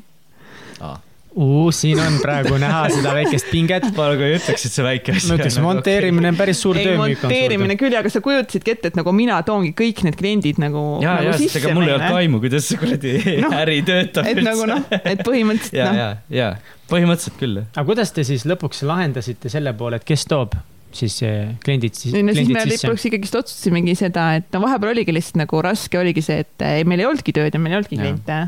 Oligi nagu suvi oli raske aeg, no see noh, me tegime küll nagu mingeid asju, aga see oli vähe, et ära elada, siis selleks ajaks ma olin palgatöölt ära tulnud. ja noh, mul Töötukassast nagu mingi paarsada eurot tiksus onju, aga see oli ka kõik. et äh, see oli raske, aga lihtsalt oligi nagu mingi hetk oligi see, et me hakkasime mõtlema, et kuidas me siis saame nagu müüki arendada, kui me seda ise teha ei taha. Jah. siis on vaja palgata inimesed, kes tahavad seda teha. tundub loogiline, jah. Ja me hakkasimegi nagu seda protsessi siis detsembris, novembris tegema, novembris Mhm. umbes see idee tuli. noh, vaata mingil hetkel ma olin ju, no ma teen ju selles mõttes mitut tööd, eks ju ka veel lisaks, et ma teen korvpallidel tehnikuna tööd ja graafikat meistrina ma ei, kuidas seda nimetada, noh, Mhm. no mis iganes, eks teen graafikat eh, otseülekannetel ja, ja. Õhtusaates oled nüüd. ja lisaks oled sa praegu õhtusaates. Kanal kahe õhtusaate üks režissööridest. just, täpselt. ennem oli saade Hommik. enne oli saade Hommik ja see aitas meil tegelikult nagu mingit äh, stabiilsust natukene tagasi saada, sest Tallinna Televisiooniga ma olin äh, tolleks hetkeks lõpparve kõik sillad ära teinud. põletanud. ja põhimõtteliselt võib nii öelda, et kõik sillad ära põletanud. ehk siis ma nagu push isin hinna nii üles, sest ma tegelikult ei tahtnud seal kanalis väga palju midagi teha, aga ma mõtlesin enda jaoks, et kui ma panen nagu mingi siukse hinna, et kui neil on vaja, siis nad võtavad, onju. et noh. sa räägid nüüd tele. Tallinna Televisioonist ja. ja see, need algus- rahad aitasid teil üle elada siis need ajad, kui teil ühtegi klienti ei olnud, jah? no mitte päris. Nee, see, see, ma tahtsin selle jutuga jõuda sinna, et see tekitas nagu mingi kindluse, et me saame äkki lõpuks ühe töötaja omale võtta. et nagu mingi rahavoog on kogu aeg, vaata. Ja mingid projektid ka ju käisid, eks ju mm. -hmm. väiksemad ja mm -hmm. igasugused, eks ju. et siis me, et siis me saame ühe töötaja omale vähemalt palgata, miinimumpalgaga. jess, sihuke motivatsioon, viis tuhat, tulge tööle United Dreamsi, me pakume teile miinimumpalga. väga oluline küsimus kõikidele alustavatele ettevõtetele, kes pakuvad teenuseid, kuidas te hakkasite rahastama oma teenust? kas, oh my god. kas see on raske oh küsimus see on nagu, alustaval ettevõttel? kõige raskem teema, nagu siiamaani minu jaoks üks kõige raskemaid teemasid on hinnastada Mm. enda teenust. ja nagu palju sa mingite projektide eest raha küsid. sest Sest- alati kõik kliendid ütlevad, neil pole raha. jaa Jaa. vähemalt Eestis on nagu, klient Kõik on nii hinnatundlik ja videoproduktsioon on nagu ikkagist äh, kallis asi. noh, mis on kallis, aga noh, enamus ettevõtete jaoks on ikkagist äh, suur väljaminek mm. -hmm. et, et see hinnastamine on mega raske. ja kas te alguses siis annad, olete andnud väga palju järgi ka ettevõtetele, et endale mingit nime teha või mingit ja esimese aasta kõige saada? suurem väljakutse oligi see, et meil ei olnud portfooliot, ehk siis kui sa saad kliendiga kokku, esimene asi, mis ta küsib, aga mis te teinud olete? ja siis sa näitad talle muusikavideoid, aga ühte, tema tahab mingisugust muud videot. mingit corporate reklaamvideot, Jaa, vaata no, ja meil on nagu ette teemasse. näidata üks, ühesõnaga meil ei olnud mitte midagi ette näidata ja inimestele lihtsalt nagu, lihtsalt usalda, et noh, et palun nagu please, me saame hakkama, et no me oleme nagu toredad ja nii ja nagu me oleme teles töötanud kahe peale ikkagist nagu pea kümme aastat nagu, meil on kümme aastat telekogemust nagu kedagi kogu aeg numbritega ja kümme aastat telekogemust ja ja ei, me ostame teenuseid sisse ja need videograafid, kes meil on, neil on ka vähemalt kaksteist aastat kogemust nagu, kui picture this nagu. Mm. -hmm. ja siis kuidagi seda ideed sai kogu aeg maha müüdud ja lõpuks meil nagu tekkis see portfoolio, aga meil ei olnudki mitte midagi ette näidata aga. need hinnad, mis te siis nagu või need kasumid, mis te sealt saite, olid siis väiksed? alguses olid va- väiksed ja aga kas see frustreerib puhul ka või?, no loomulikult ja nagu ma räägin, muusikavideole me maksime peale, osa projekte me oleme teinud täiesti nulliga, niimoodi, et lihtsalt nagu teha ja peaasi, et ise miinusesse ei jää, aga kasumit ei teeni. ja terve eelmine aasta oli siukseid projekte nagu täis. sest sa lihtsalt pead tegema, noh, kui sa alustad mingi asjaga, sul on vaja mingit portfooliot, et et sa oleksid tõsiseltvõetav. noh, nüüd see aasta ongi nii lahe kohtumistel käia, siis ma löön lihtsalt kodulehe lahti, no nii, sõbrad kust me alustame? ma võin siin teile showreel'i näidata, siis ma võin teile neid videosid näidata ja neid ja neid ja neid, me oleme koostööd teinud, onju, ma loen teile kõik nimed ette siin. Elisa, Betsiti, Škoda, onju, noh, nüüd kohe Kalev Spa, kohe trust olemas ah,. siuksed nimed või? südameapteek, mis tuli ka läbi Jenny, kes on Mihkli elukaaslane. jah, vot vahepeal me tegime ju Jennile mingi neile, paar aga- mingit sotsmeediaprojekti aga onju. ongi, ja tegelikult noh, tegelikult need olid ägedad asjad. Te ikka hullult olete vaeva näinud selle esimese aasta, et üles ehitada portfooliot, et jah. minna nagu, see ongi nagu see alustaval ettevõttel endal nime tegemine, ilmselt see on kõikidel alustavatel ettevõtjatel kõige suurem küsimus. keegi ei tea sinna, sa võid ju arvata, et võib-olla keegi mm. -hmm. kuskilt justkui, isegi su tuttavad, et äkki sa oled kuulnud, et ma teen siukest asja, ah, mis asja. Okei okay,, aga ühesõnaga tegite esimese aasta peaaegu nullmarginaaliga kõvasti töid mm. -hmm. saite ise kogemust yeah., te hullult häid töid teete, vaid või minu meelest te olete algusest peale teinud hullult head tööd, mis on lahe. ja siis te olete nüüd nimed, need portfoolio teinud, nüüd te olete sealmaal, kus teil on juba mõned töötajad. et kuidas siis see esimene hetk oli, kui te saite aru, et davai, te pär- päriselt peate ka palkama nüüd kellegi? no oligi siis. miks te palkasite? müüki tegema ikkagist, et ei olnud, kuna mina ei tahtnud müüki teha, Egert veel vähem tahab müüki teha, siis oligi lihtsalt, meil on vaja lihtsalt leida inimesed, inimesed. Kas teil oli raha selleks, et nalja teed, meil ei ole nagu raha, et mingi vahepeal süüa osta nagu, nagu ja et Aga- maksta mingid üürid, kommunaalid, kontori mingid värgid onju, et nagu noh, meil ei ole raha. ja ma lihtsalt Nagu tahtsin küsida seda. ettevõtjad, alustavatel ettevõtjatel ei ole raha, alustavate ettevõtjate elu ei ole seksikas. ma pole neli kuud endale palka maksnud oh rahvas, mul just lõppes nagu Töötukassa ära oh shit. ma isegi ei saa seda viitesadat eurot enam, mis ma sain üheksa kuud. nii et nüüd on nagu veel ja see, see hetk kadunud., Oh, aga see hetk, kui Kats tuli minu juurde, ütles, et kuule, me ikkagi palkame nüüd inimesi ühtepidi, see oligi nagu, et oh my god, nagu kuidas te seda endale lubate, kuidas te selle vastutuse julgete võtta, karm, aga teistpidi, me noh, me arutasime ka sellest ja mõtlesin ka, et mõnikord jällegi sa pead nagu riskima mm. ja Mhm. võtma neid julgeid samme, et liikuda edasi ja minu meelest teie puhul ka on nii imetlusväärne on see, et te lihtsalt julgete võtta neid crazy sid samme ja fuck it, me võtame selle töötaja ja fuck it, me push ime ja me kuidagi leiame viisi, et see meid jälle edasi viiks. sest tegelikult need, noh, minu arvates need julged sammud ja need suured riskid, mis te olete võtnud, need tegelikult viivad teid kiiremini edasi, kui hullult turvaliselt kogu aeg mängida. ja ei, see, noh, ma olen tegelikult terve elu olnud suht riski jah selles mõttes. no ma olen ikka täiega, mul on lihtsalt mm -hmm. nagu mhm. lihtsalt enda peale, siis vaatame, mis saab ja, nagu. nagu lihtsalt no, vaatame, mis saab nagu. sama nagu see Tallinna Televisiooni näide või mis iganes. meil ei ole ju kogemusi nagu selles mõttes, noh, mul on olnud, mul on kui ma Tähe pilleriklubi juhataja olin, ma olid ka nagu nii-öelda, nii-öelda alluvad, aga see ei olnud ikkagist nagu päris see, ma olin nii noor ja ma ei saanud täpselt nagu aru, mida see tähendab nagu olla juht või liider või midagi sellist, no mingi kahekümne aastased vaevalt, et sellest nagu aru saada, onju. et aga nüüd nagu see vastutus ja kõik on nagu ikka päris. Äh, kust te leidsite selle töötaja? me tegime sotsiaalmeedia kampaania, me tegime, võtsime lihtsalt kaamera ja kahekesti rääkisime seal, et jõu-jõu-jõu, äh, me oleme nii lahedad, teeme siukseid projekte bum, bum, bum, bum, bum, mingi otsime sellist inimest, saada meile endast video ja mingi vuu. palju teile videost saadeti? üks. ja see oli Liiserin sellepärast, et äh, nagu reaalselt lihtsalt inimesed nagu ei julge võtta seda telefoni ja. kätte ja ennast filmida. aga kuna meie selline video või see meie videomoto meie firma moto ongi see, et me oleme julged, avatud, energilised ja ägedad. ja, ja me ei nagu, siukseid väljakutseid. ja et kui sa ei suuda isegi nagu endast nagu teha ja. väikest mingit introduction videot, et siis nagu miks sa peaksid üldse meile reageerima. ei no meil mõttes. oli veel inimesi, kes nagu võtsid ühendust meiega, et nad ja, tahaks ja, nagu tulla meile tööle, aga videot nad ei teinud, et. nad olid tuttavad ka no,, osad olid tuttavad. jah, selles mõttes ja. küll jah. noh, et me oleme nagunii tuttavad, mis videot me enam seal, noh tegelikult, tegelikult nagu pole mõtet. jah aga siis me võtsime ühe hästi jah, noore, noore tüdruku tööle, sest nagu sa ei saa endale palgata nagu mingi oh,, olen viis aastat raamatuid USA-s müünud, neli aastat LHV-d, see on nagu minu mingi unistuste noh, müügiinimene, kes on nagu USA-s raamatuid müünud, mingit LHV-d müünud on ju, teinud rõhket müüki, ma ei saa seda inimest palgata, sest mul ei ole maksta talle mingi kaks tonni kätte pluss tulemustasu, mida need inimesed nagu on väärt ja nad saavad seda raha vaata.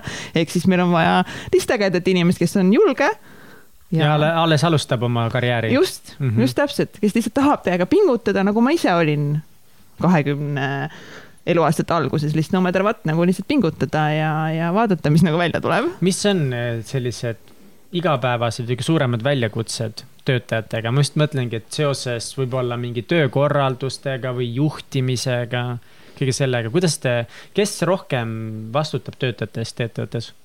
ma ei tea, ma arvan, et ikka mõlemad tegelikult. mõlemad jah? No ongi. ei saa panna niimoodi. jaa, aga me peaksime tegelikult panema nagu praegu ongi nagu hästi raske ongi see, et kuna minul on see live show asi ka nagu võtab nagu mega palju aega päevast ära ja siis võt- ja siis on see nagu meie firma asjad, meil on nii palju projekte praegu tuleb lihtsalt nagu sisse, mida on vaja hallata, ja, hallata, vaja nagu juhtida, ideid genereerida, siis nagu paraku see meie esimene töötaja on kuidagi nagu vahepeal jääbki unarusse, sest mul lihtsalt ei ole aega temaga tegeleda, istudagi maha, et näed, mis on su praegu väljakutsed ja mis, kuidas me saaksime sind aidata, et sa saaks paremini areneda.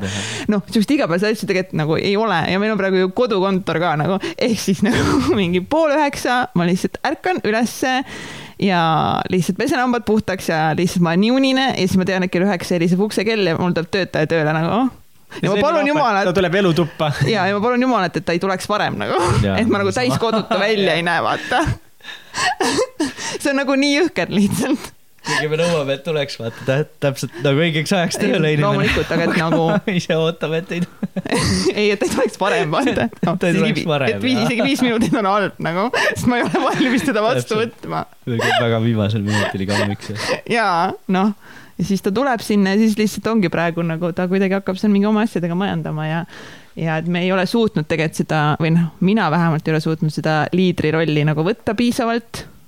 ma arvan, et sama jah ma arvan, ma ka ei ole. jah.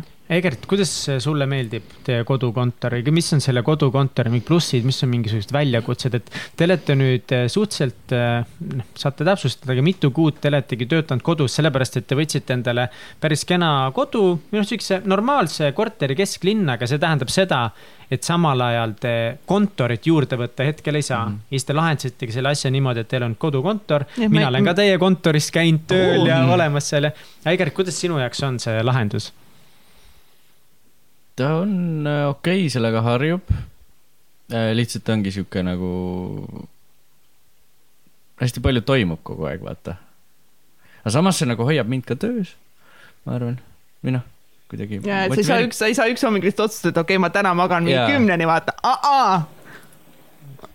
issand, lihtsalt see õhksoojuspump hakkas ongi jah nii, et, et kui kell üheksa tulevad töötajad, siis põhimõtteliselt ma pean ka tööle hakkama. jaa, me vahepeal võtsime uue töötaja ka juurde ja meil on kaks töötajat. ja meil oli üks, üks hästi lahe praktikant, kes on meil käinud turunduspraktikal ja siis käis müügipraktikal ja ta hullult on kogu aeg tahtnud meile tööle tulla ja siis me praegu võtsime ta poole kohaga tööle. siis meil oli ei saa vaja rohkem, lubada. sest eh, meil on vaja keegi, kes nagu projekte yeah. nagu juhiks. Nii-öelda jah. nii, meil on tegelikult juba kaks töötajat. aga vastates sinu küsimusele, siis äh, tegelikult on suur väljakutse, sellepärast et ma olen ainuke mees ja mul on seal kolm naist, kes kogu aeg see kädistavad. on nii naljakas, sest tegelikult nagu mina eeldasin, et äh, meie töötajad saavad olema kõik mehed, sest jaa. videoproduktsiooni maailm Ei on domineeritud üheksakümmend viis protsenti meestest. videograafid, monteerijad produtsendid, no kõik filmimaailm ju teame ju kõik tegelikult äh, noh, on mehed ma tean enamus isiklikult kahte professionaalset, üks on monteerija operaator ja teine on operaator, kes on naised, noored. aga see on ju lahe, kui sul on Väga. eh, kolm ilusat naist on iga Väga. päev toas. jaa, väga tore on, aga samas see on väsitav, jah? jaa. ma aga usun, küll aga. samas, ei, aga tegelikult toredust on rohkem. sest äh, kusjuures ma ei olegi varem nagu nii palju naiste seltskonnas viibinud või nagu sama. Ja sul on, sul on jälle vastupidi, sa ei ole, sa oled kogu aeg nagu meestega läbi käinud, eks ja, sest no drama ja, ja, sest no drama. ja, noh, ja mina olen ka poistega läbi käinud selles mõttes rohkem kui tüdrukutega, mul ei olnud mingeid hulle sõbrannasid lapsena, vaata osadel poistel on olnud, ma tean, et nagu mingid noh, all best Jaa. friends on ju, aga mul sihukest asja ei olnud. aga kas sa vahepeal ei tunne, et tahaks kodus lihtsalt olla ise? jaa. et see kodu oleks sulle? muidugi. Iga aga ma päev., aga ma motiveerin ennast sellega, et kui ma praegu näen täiega vaeva, siis äh, see tuleb. ja samamoodi rahaga, et, et kui ei ole raha, no vahepeal ei olegi, noh, lihtsalt ongi kontod, kõik on nullis, noh. ja arved jooksevad peale.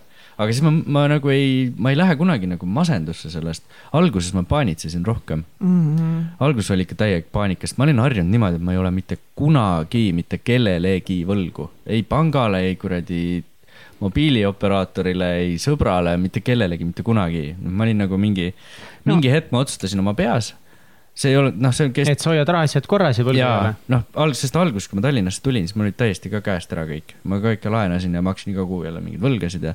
aga mingi hetk ma otsustasin, nii, nüüd on kõik, nüüd ma hakkan korralikuks ja, ja siis ma suutsin nagu aastaid ja, no ja pluss see Tallinna Televisioonis sai tegelikult päris nagu okei Päris palka okei ka oli, vaata ja, ja jah. nagu noh, suht hea elu oli sul selles mõttes, tegelikult oli jah. jah, et ikka Jah. raha sai siia ja sinna loobitud, vaata ja. noh, ma tegin lisatöid ka. Jaa, jaa, no täpselt. ma ikka teenisin Eesti kohta väga palju kätte. et see muutus sealt tulla siia on selline küllaltki keeruline, kas nõudis raske, kuidagi ümberharjumust kuna ka sa? teed seda enda jaoks ja see on su Mhm. enda ettevõte, siis äh, motivatsioon on hoopis teine kui see, et äh, ma võin saada praegu vähem raha, aga ma olen ikka õnnelikum kui siis, kui ma sain nii-öelda rohkem raha, aga tö- töötasin kellegi jaoks. aga kuidas see stress väljendus, mis sul alguses oli, siis kui te alguses alustasite rohkem ja kui siis hakkasid tulema esimesed rahamured, et mis siis su sees toimus? Äh, ma arvan, et ma olin ikka korralikus paanikas. Kats äh, teab, mäletab rohkem seda, kuidas ma ikka, kuidas ma ikka jah, ma olin reaalselt paanikas, noh, ma ei oska seda muud moodi seletada, ma kartsin. mõtlesin, et mis saab nagu, jaa Mm., et mis saab, ma, ma läksin närvi vahepeal, ma olin vihane, siis ma olin jälle nagu kurb, siis ma nagu jälle mingi hetk ma olin jälle motiveeritud, et davai, davai, kohe läheb jälle, vaata. vaata nagu tuleb jälle mingi üks sihuke väike mingi, keegi ütleb jälle mingi jah, vaata Jaa, nagu mingi jaa, väike jaa. klient jälle tuleb, see on mingi jess, mingi bossid jälle kuradi, davai, kütame kuuma täiega, siis jälle tõmbab moti unustab ära, ära nagu ja, ja kuni järgmise korrani mingi minge pekki või järgi on nagu. ja siis see käibki niimoodi täitsa üles-alla, üles-alla, üles-alla nagu ja nüüd on äh, see lihtsalt nagu ongi see, et nüüd ka väga tihti raha ei ole, onju. mm.. aga kuidagi sa võtad seda teistmoodi. ma tunnen, ma olen selle, selle aastaga nagu jõhkralt arenenud isiklikul tasandil. ma ise tunnen seda. Et äh, millest sa teed suurt numbrit, millest sa ei tee. Yeah. eks ma siiamaani, ega ma siis, ega see ei tähenda, et mul oleks täitsa suva, et ma ei saa nagu mingi kellelegi arvet ära maksta või midagi. et loomulikult see teeb nagu selles mõttes haiget või kuidagi nagu, see ju lööb egole nii kõva põntsu, vaata noh, sest ma olen ka nagu harjunud sellega, et mees peab nagu naise eest hoolitsema ja nii vaata. Mm. et, et tegelikult nagu see, mul on ikka vahepeal on ikka täitsa häbi, et mul ei ole nii-öelda enda raha, millega ma ei tea oma naist välja viia. Mm. tihtipeale on nii. Mm -hmm. ja kuidas te lahendate olukorras kingitusi, kas te räägite sellest, et noh, et praegu on nii, aga tulevikus saab olema naa või, või kui palju te üldse jagate üksteisele neid äh, hirme ja muresid, mis teie hinges on just selle ühise ettevõtmise ja ühise tuleviku nimel? no Egert räägib kogu aeg. ma, ma, ma reaalselt, kui vaata, kui klassikaline mehe ja naise suhe. või mehe ja naise suhe on selline, et naine räägib kogu aeg, onju, ja mees on kogu aeg vait ja umbes, et oh, ära räägi nii palju, onju. siis meil on vastupidi. mina kogu aeg räägin, kats nagu on natuke kinnisem jah, ja tema räägib vähem. aga kas, kas, kas see on pigem hea, et. Egert räägib, mis ta sees toimub? kindlasti, ei, see on Mhm. absoluutselt hea, aga lihtsalt ta räägib nagu väga palju, ta räägib nagu sama palju, kui mitte rohkem kui Mihkel Vetemaa Jah., aga noh, ma ei pea Mihkel Vetemaaga koos elama, et selles mõttes see on nagu üldiselt on see mega hea, aga kuna me oleme nagu literally kakskümmend neli seitse koos. siis see lihtsalt nagu vahepeal on nagu too much, aga siis ongi lihtsalt niimoodi, ma teen mingi mm, -hmm. ise mõtlen juba mingi teisi mõtteid, ahah mm, -hmm. ja, jah, ja, ja, ja alguses ma pahandasin selle Ja, ja. peale, aga nüüd mul on juba suva. või nagu selles mõttes, et ma tean, et kui ta mingi nokitseb oma telefonis, et siis ta, ma olen nagu harjunud sellega, vaata. et see, see on fine, jah. aga Kats, kas sina räägid oma hirmudest ja muredest Egertile? Pigem mitte no miks sa ei räägi? ma ei tea, ma väga üldse ei räägi, pole nagu seda harjumust rääkida enda muredest. aga sa oled arenenud selles mõttes. olen jah? jah, sa räägid rohkem kui varem. jess, ma ka arenen, rahvas. ei, et äh, jah, ma olen nagu elus alati hoidnud kõik nagu endale ja õp- õppinud nagu iseenda asjadega hakkama saama ja mitte pigem koormama enda muredega teisi, vaid pigem nagu aitama teisi nende muredega. Et see on nagu minu elukäik olnud siiamaani, aga ma ka nagu veits arenen juba vahepeal, räägin siin vaata Erki Veikose midagi share'is, siis ma jälle share isin Erkile vaata mingeid asju ja, ja siis vahepeal sulle mingeid asju ja nii see nagu läheb vaikselt niimoodi. sihuke prik-, oh rahvas, oh my god, teate mis vä? me lähme Tony Robbinsi koolitusele Londonisse. Unleash the power within. nii, me veel ei tea täpselt, kuidas me sinna jõuame. see on siis Egert ja Kats lähevad ja me ostsime lennupiletid kogemata ja meelega. ma sain ühe oma vana sõbrannaga kokku Tsinsino aegadest. aga muide jaa, meil ei ole. raha. meil ei ole raha, et sinna minna, aga ta müüs mulle selle idee nagu uuesti.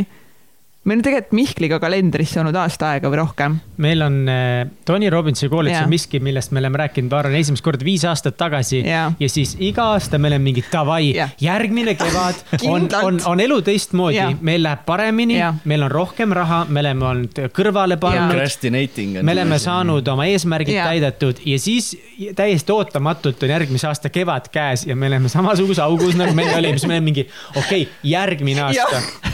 ja see on nüüd niimoodi olnud umbes neli aastat jutti. ja aga, aga nüüd see aasta me panime päriselt kalendrisse selle enda. Aga nüüd me panime kalendrisse ka, jah. aga me unustasime ära selle ilmselgelt, et see seal on, aga nüüd ma saingi oma sõbranna kokku ja siis mul uuesti selle idee maha müüs, et nagu mis teil inimesed viga on. et nagu te peate lihtsalt tulema sinna, siis ma olin mingi davai, fuck it nagu muidugi see suhtumine matter what nagu davai, davai, davai. veits oli nagu tuludeklaratsioonist rahad olemas, sellepärast mis ma mõtlesin muidugi, et ma investeerin need meie live show'sse, nüüd seda raha pole. ma ostsin, ostsin lennupiletid Londonisse kõigepealt ära siis äh, tegime esimese sissemakse piletitele, et ühesõnaga me läheme kindlalt. ja meil ei ole veel ööbimist, nii et kui keegi teab kedagi, kes elab Londonis Exceli lähedal. rõhutame Excel lähedal või kes, kes on veel minemas, sest Eestist läheb tavaliselt mingi viiskümmend pluss inimest UPV-le. ja, et võib-olla teil on mingi koht kuskil voodi all vaba veel. like a basement or ma something ma. võin reaalselt rõdul ka magada, mul on suva, ei no ta kindlasti ei või rõdul magada, sest ta ütleb seda praegu. suva. aga anyways ja meil on veel mingi tuhat ükssada eurot vaja sinna maksta, pluss ööbimine. Aga me lähme Tony Robbinsi koolitusele ja ma olen so excited, mõelge, kui ma temaga kokku saan, mõelge, kui ma näen teda. mõelge, kui sa ta meile podcast'i saad. Oh my god. kutsu Oma- podcast. mis asja tule, Tony, oh joo, Tony, We have this Tony. awesome podcast uh, called Täitsa Pekkis. have you heard? You can say fucked up or something, totally fucked up is Ja, our, ja, ja. in english our name. Totally Yeah. fucked up eh?. Totally Something fucked like up that. podcast. Show, We, show. we have f- one fucked up podcast in Estonia. One, just one. oota, aga nii, põhimõtteliselt nagu Nii. ähm, me jõudsime selleni, et äh, mis on raskused, siis rahalised, klientide leidmisega, töötajate koolitamisega, enesemotivatsiooniga suhtega, rahadega, mis juba mainisin Jah., mis on veel mingisugused väljakutsed ettevõtluses, millega teie olete vastamisi seisnud? no ongi see, et kui sul tegelikult hakkab liiga palju, liiga palju, kui sul hakkab palju tööd sisse tulema järjest korraga, et sa nagu arened liiga kiiresti, et siis, mis sa siis teed, siis sul peab tegelikult olema enne välja mõeldud nii-öelda varuplaan.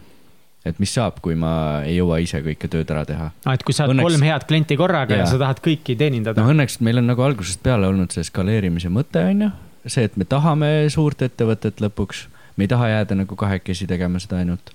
ja, ja me oleme nagu mõelnud selle peale, et see, see on natukene lihtsamaks teinud äh, mingitel asjade puhul, mingite projektide puhul, küll aga see, et, et kui viimasel minutil äh, projekt käest ära anda, kontroll nii-öelda ära anda, ütleme noh, outsource ida montaaži, et siis vahel võib nagu see päris pingeline olla, see värk, kui klient ootab tulemust ja monteerija on kuskil teises linna otsas. äh,. väga väljakutsuv on olnud see, et kliendid kaovad ära, kui see, et äh, sa võtad, sa saad kliendiga kokku, siis sa võtad selle aja, et temaga kokku saada. siis sa teed talle mingi pakkumise, sa megalt panustad sinna aega. ja siis ta ütleb, et ta ei soovi seda teenust. Või ta võtab kellegi teise nagu. see on nagu mingi mida? okei okay,, nagu kas, et kuidas me saaksime selle viia nagu nii algstaadiumisse, et ma ei peaks oma mingit tervet päeva, kaheksat töötundi raiskama ära ja siis klient ütleb mulle, et ta ei taha seda. et kuidas teha nii, et noh, et alguses võimalikult selgeks teha, et äh, mis on need nagu miinimumasjad, milles me peame kokku leppima, et sa ütled mulle oma jah-sõna ja me nii-öelda kinnitame selle projekti ära versus see, et me teeme tohutu töö ja siis me, aa ei, ei, sorry sõbrad, kuulge. Aga milles siis see probleem on, mis teil puudu jääb hetkel või mida te valesti teete enda arvates? või sa, mida te saaksite paremini teha siis? või kindlasti me saaksime palju, palju asju paremini teha, aga lihtsalt ongi kliendid, osad ei kujuta ette, kui kallis on üldse üks videoproduktsiooni mm. video tootmine siis mm. -hmm. ja kuna videode kasutamise trend on nii suures kasvamises ja ehk siis äh, videotegijaid, freelancer eid tuleb nagu seeni pärast vihma ehk siis nagu kõigil tänapäeval, kellel on kaamera, arvavad, et nad on videograafid. ehk siis, kui sa teed üksinda teenust, sa lähed filmid, monteerid, sa pakud umbes video eest, ma ei tea, kolmsada eurot, onju, me ütleme, et see on kolm tuhat eurot. aga milles mitte on me vahe? lihtsalt ei ütle. Milles on erinevus? ei noh, ja ei no erinevus ongi see, töötame et erinevalt. ta teeb nagu väga väik-, nagu noh, tema tööd on nagu ei ole nii head lihtsalt noh, kui sa vaatad mingit reklaami, siis sa saad aru, mis on tehtud mega low, low, low, low, low budget ja mis on tehtud nagu fucking nagu big production nagu, kus asjad mingi kuradi lendavad ja sa näed seda ilusat pilti ja kõik on nagu hea valgusega ja, ja meil on nagu tiim. jah, meie eesmärk on teha nagu siis jah, sellist uh, ultimate quality't nagu pakkuda klientidele et. te tahate ikkagi positsioneerida ennast sinna just kõrgele. Ja isegi mitte nagu palju väik- ja odavat, vaid teha neid kõige peenemaid, kõige keerulisemaid töid. isegi kui nagu neid väikseid projekte teha, siis me tahame neid ikkagi, noh, meie mõistes väikseid, on ju. klientidel on kõik suured projektid. jah, et äh, isegi siis me tahame nagu, et see tulemus oleks ikkagi nagu võimalikult hea Mhm. äh,. Mida ongi nagu raske vahel kliendile seletada, et, et talle vahel piisabki sellest, kui keegi tuleb ja filmib oma telefoniga ära ja on kõik, on ju, noh siis see on ka fine. las nad teevad, eks ju. aga me tahamegi isegi nagu väikeste asjade puhul anda selle nagu full enda fookuse nagu, mis äh, et iga töö oleks järgmisest parem. jaa, täpselt, isegi kui see on väike projekt, noh. jah Mhm., jah, seda ma tahtsingi öelda. just panin teile slogani. mis on olnud äh, kõige suurem äh, pekkiminek United Dream Studio ajaloos? ma arvan, et meil nagu väga nagu võib-olla suured pekkiminekud on meil nagu ees, aga meil on kogu aeg hästi palju nagu väikseid pekkiminekuid nagu iga päev läheb nagu midagi pekki. jah, ma tean lihtsalt ühte pekkiminekut näiteks, kus me palkasime ühe, ühe inimese siis äh, drooniga filmima ja see tüüp osutus nagu nii pätiks ja siis ta tõmbas meie kogu materjaliga nagu minema. Nagu meie filmitud droonimaterjaliga ühelt nagu välifestivalilt. noh, ta ei olnud nüüd päris mingi kriminaalne pätt No. no., aga ta lihtsalt nagu oli üks noor, noor kutt, kes valetas ennast palju vanemaks äh, ja kes. ühesõnaga ta oli pätt, nii nojah, ja ta kadus mu materjaliga minema. ühesõnaga, te palkasite ta, ta filmis midagi mm -hmm. ja siis ta ei andnudki teile materjali pärast jah ja raha sai. äh,, pool vist sai. pool vist sai jah, jah, noh sest me ei tahtnud nagu päris ka, ühesõnaga ta mingit materjali andis, aga Jaa. nagu alguses, see oli mingi neljapäevane proje, vaata mm. -hmm. ja siis lõpus kadus ära, ühesõnaga nagu, me ei saanud seda materjali. olge nagu natukene ettevaatlikud, keda te endale nii-öelda tööle võtate või, või keda, Kelle kellega te koostööd jah. teete, sellepärast tehke natukene taustauuringut, et see, ma arvan, on nagu asi, mida me oleme jah, et ei tasu nagu kõiki usaldada. ja päris noh, kõik ei ole jah, ma nagu ikka arvan, et et kõik nagu veel videomaailmas ka, et nagu justkui omad joped vaata ja nagu noh, halvasti ikka, noh, see Eesti on ju nii väike, kõik saavad niikuinii teada, kui selle materjali minema paned. aga noh, noored inimesed ikka teevad siukseid asju, et see on kindlasti olnud nagu üks siuke väike, väike pekkiminek. ma tean, et teil on ühe muusikavideo raames läks ka midagi pekki, millise? kui video lõpuks tuli teistsugune, kui ta pidi tulema. aa jaa, rääkige aa, me selle. filmisime mingi valede setting utega kuskil pimedas ja siis see video oli pärast hästi nagu karvane. Mürane. Mürane ja mürane nagu pilt on pilt oli kole kuidagi. nojah no,, nagu Nojah. pimedas selline nagu noh, säbruline ütleme siis nagu, ma ei tea, kas inimesed aru saaksid, et ei olnud nagu puhas pilt. Mhm. filmisime nagu valede setting utega, siis palusime videograafil filmida valede setting utega Jaa. ja pärast eh, see ei saanud värvilisena see video ilmuda, see pidi ilmuma mustvalgena, mille üle nagu Meelis väga õnnelik ei olnud, aga since me teeme talle tasuta tööd, siis noh, ta ei saanud meile nagu noh, meie peale nagu nii pahane ka olla, aga ta oli ikka väga pahane mm,. oli küll jah. jah, ta ikka väga pahane. eks mul oli natuke nagu paha tunne ka. eks meil ikka oli loomulikult. jah, tol hetkel see, kuna noh, kõik projektid jälle jooksid nagu ühel ajal kokku ja ei jõudnud nagu väga tegeleda, vaata siis, siis jah, kahjuks. jah, neid iga, igasuguseid pekkiminekuid on igapäevaselt, kui sa näiteks me osade, osade klientidega oleme käinud kohtumistel ja siis öelnud, et me saadame neile hinnapakkumise ja ja siis me pole seda kaks siis kuud. me pole seda kaks kuud teinud, siis no see jõudnud. eriline pekkiminek. See on lihtsalt Jah. lohakus. no nad ikka ootavad jah. Jah. ei no muidugi, ma saan aru, nagu töökoormus on suur pekki ja meie jaoks on seda ka see pekki küll. läinud ja ongi enda nagu jah ja., lohakuse ja viit nagu mitte nagu aja ressursi õige kasutamise tulemusena oleme võib-olla ise mingitest suurtest klientidest nagu ilma jäänud, mm.. tegelikult on nõme ikka Mm. sest vahepeal nagu haarad hästi palju asju endale korraga ja siis sa ei handle'i vaata ära neid enam. ja mingi hetk tuleb see nagu see inimlik faktor mängu, see laiskus ka, et eh, noh, sel-, selle asemel, et teha ära need kolm pakkumist kahe tunniga, selle asemel võib-olla vaatame mingit sarja, sellepärast et me oleme lihtsalt nii overwhelmed kõigest, et meil on lihtsalt vaja põgeneda, vaata. et tegelikult see on nagu üli-ülipingeline ja, ja ma iga päev ärkan üles adrenaliiniga ja ma lähen magama adrenaliiniga, ehk siis mul on nagu päev otsa sihuke, kuidas nüüd seletada siis, no selline nagu selline jahimehe tunne, kogu Jaa. nagu ajab mingit saaki taga, vaata. Kogu aeg on adrekas. kogu kogu aeg on adrekas nagu, ma imestangi, et, et, et see ei olegi tervise peale veel hakanud, onju. kindlasti nagu kunagi see juhtub ilmselt, aga vähem, ma, ma, ma olen nagu selles mõttes hästi, ma teadvustan kõike endale, onju. kõike, mis mu ümber toimub, kõike, mis mu sees toimub ja sellepärast ma nagu olengi nii avatud inimene, ma räägin nagu hästi palju, onju. Ja ma kogu aeg teadvustan endale selle, selle, seda, et mis minuga toimub ja siis teistel ongi raske kuulata, siis neile tundub, et ma vingun, vaata. Mm. aga tegelikult ma nagu lihtsalt endale sulle teadvustan ma rahu-, jaa, ma lihtsalt rahustan ennast sind. sellega, et, et ma räägin välja selle. Kats, mis sa, toime tulla. mis sa oled kõige rohkem õppinud selle just United Dream stuudio tegemise jooksul või mis on mingid siuksed peamised õppetunnid sinu jaoks praegu olnud? võib-olla, mis on asjad, mis oskaksid soovitada mõnele teisele alustavale ettevõtjale või inimesele, kes mõtleb mingit oma ettevõtlust teha? seda, et, et ikkagist nagu minu see kõigis alati on see soovitus, et lihtsalt hakake pihta, nagu see on, see on nagu lihtsalt see, kuidas, kuidas ma nagu alustasin Tallinna Televisioonis saadete tegemise, kuidas ma sinna üldse tööle sain kuidas tegelikult kõik minu karjäärid on alanud lihtsalt, lihtsalt nagu peale hakata, kuidas meie podcast hakkas, me lihtsalt hakkasime peale, meil on null teadmised nagu kõigest, me lihtsalt hakkame, hakkasime peale selle live show'ga samamoodi, et lihtsalt tuleb nagu tegutsema hakata.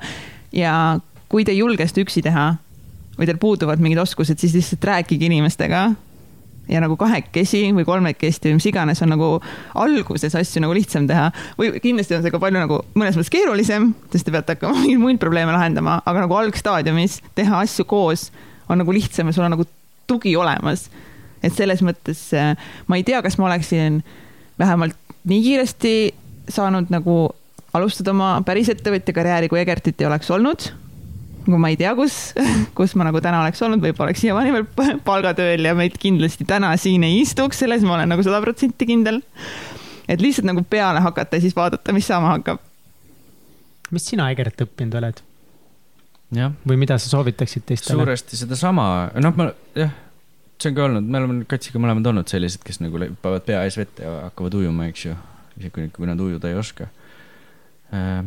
aga mida ma olen õppinud? Võib-olla ongi ema, oma nagu emotsioonidega toime tulla või, või vaata, mis kontekstis sa küsisid, et kas äh, vahet ei ole. jah, okei okay..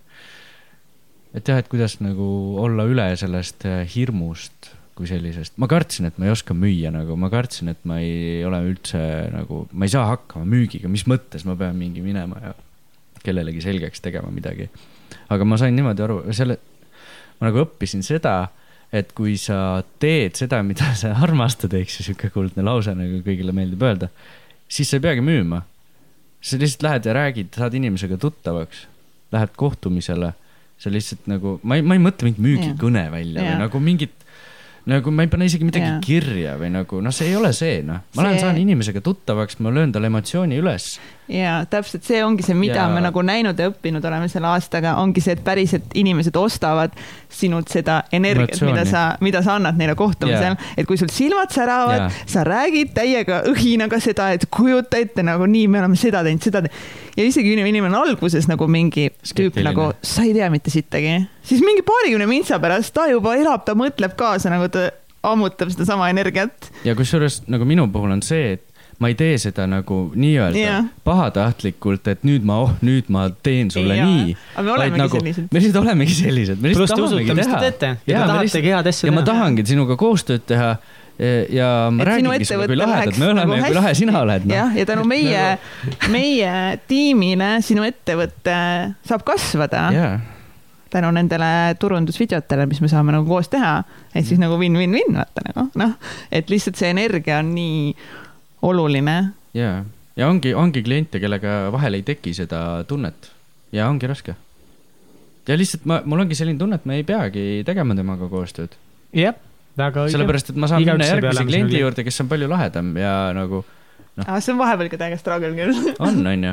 on küll jah, aga ma, mina näiteks mina ei ikka vahepeal ikka tahan, ma ikka vahepeal tahan mina ei push'i neid, kes. iga, igaühte võtta nagu kellega mul ei teki ja. nagu vahe, mul nagu on üks, vaata küll ühte, ühte klienti, keda ma, ma lihtsalt tagan, siis nagu okei okay,, nagu videomaailmas see summa võib olla väike, aga meie produktsioonile see nagu käibe mõttes oleks väga hea summa, kuigi nüüd noh, see ei ole võib-olla kõige erutavam projekt ja seksikam projekt maailmas Jaa.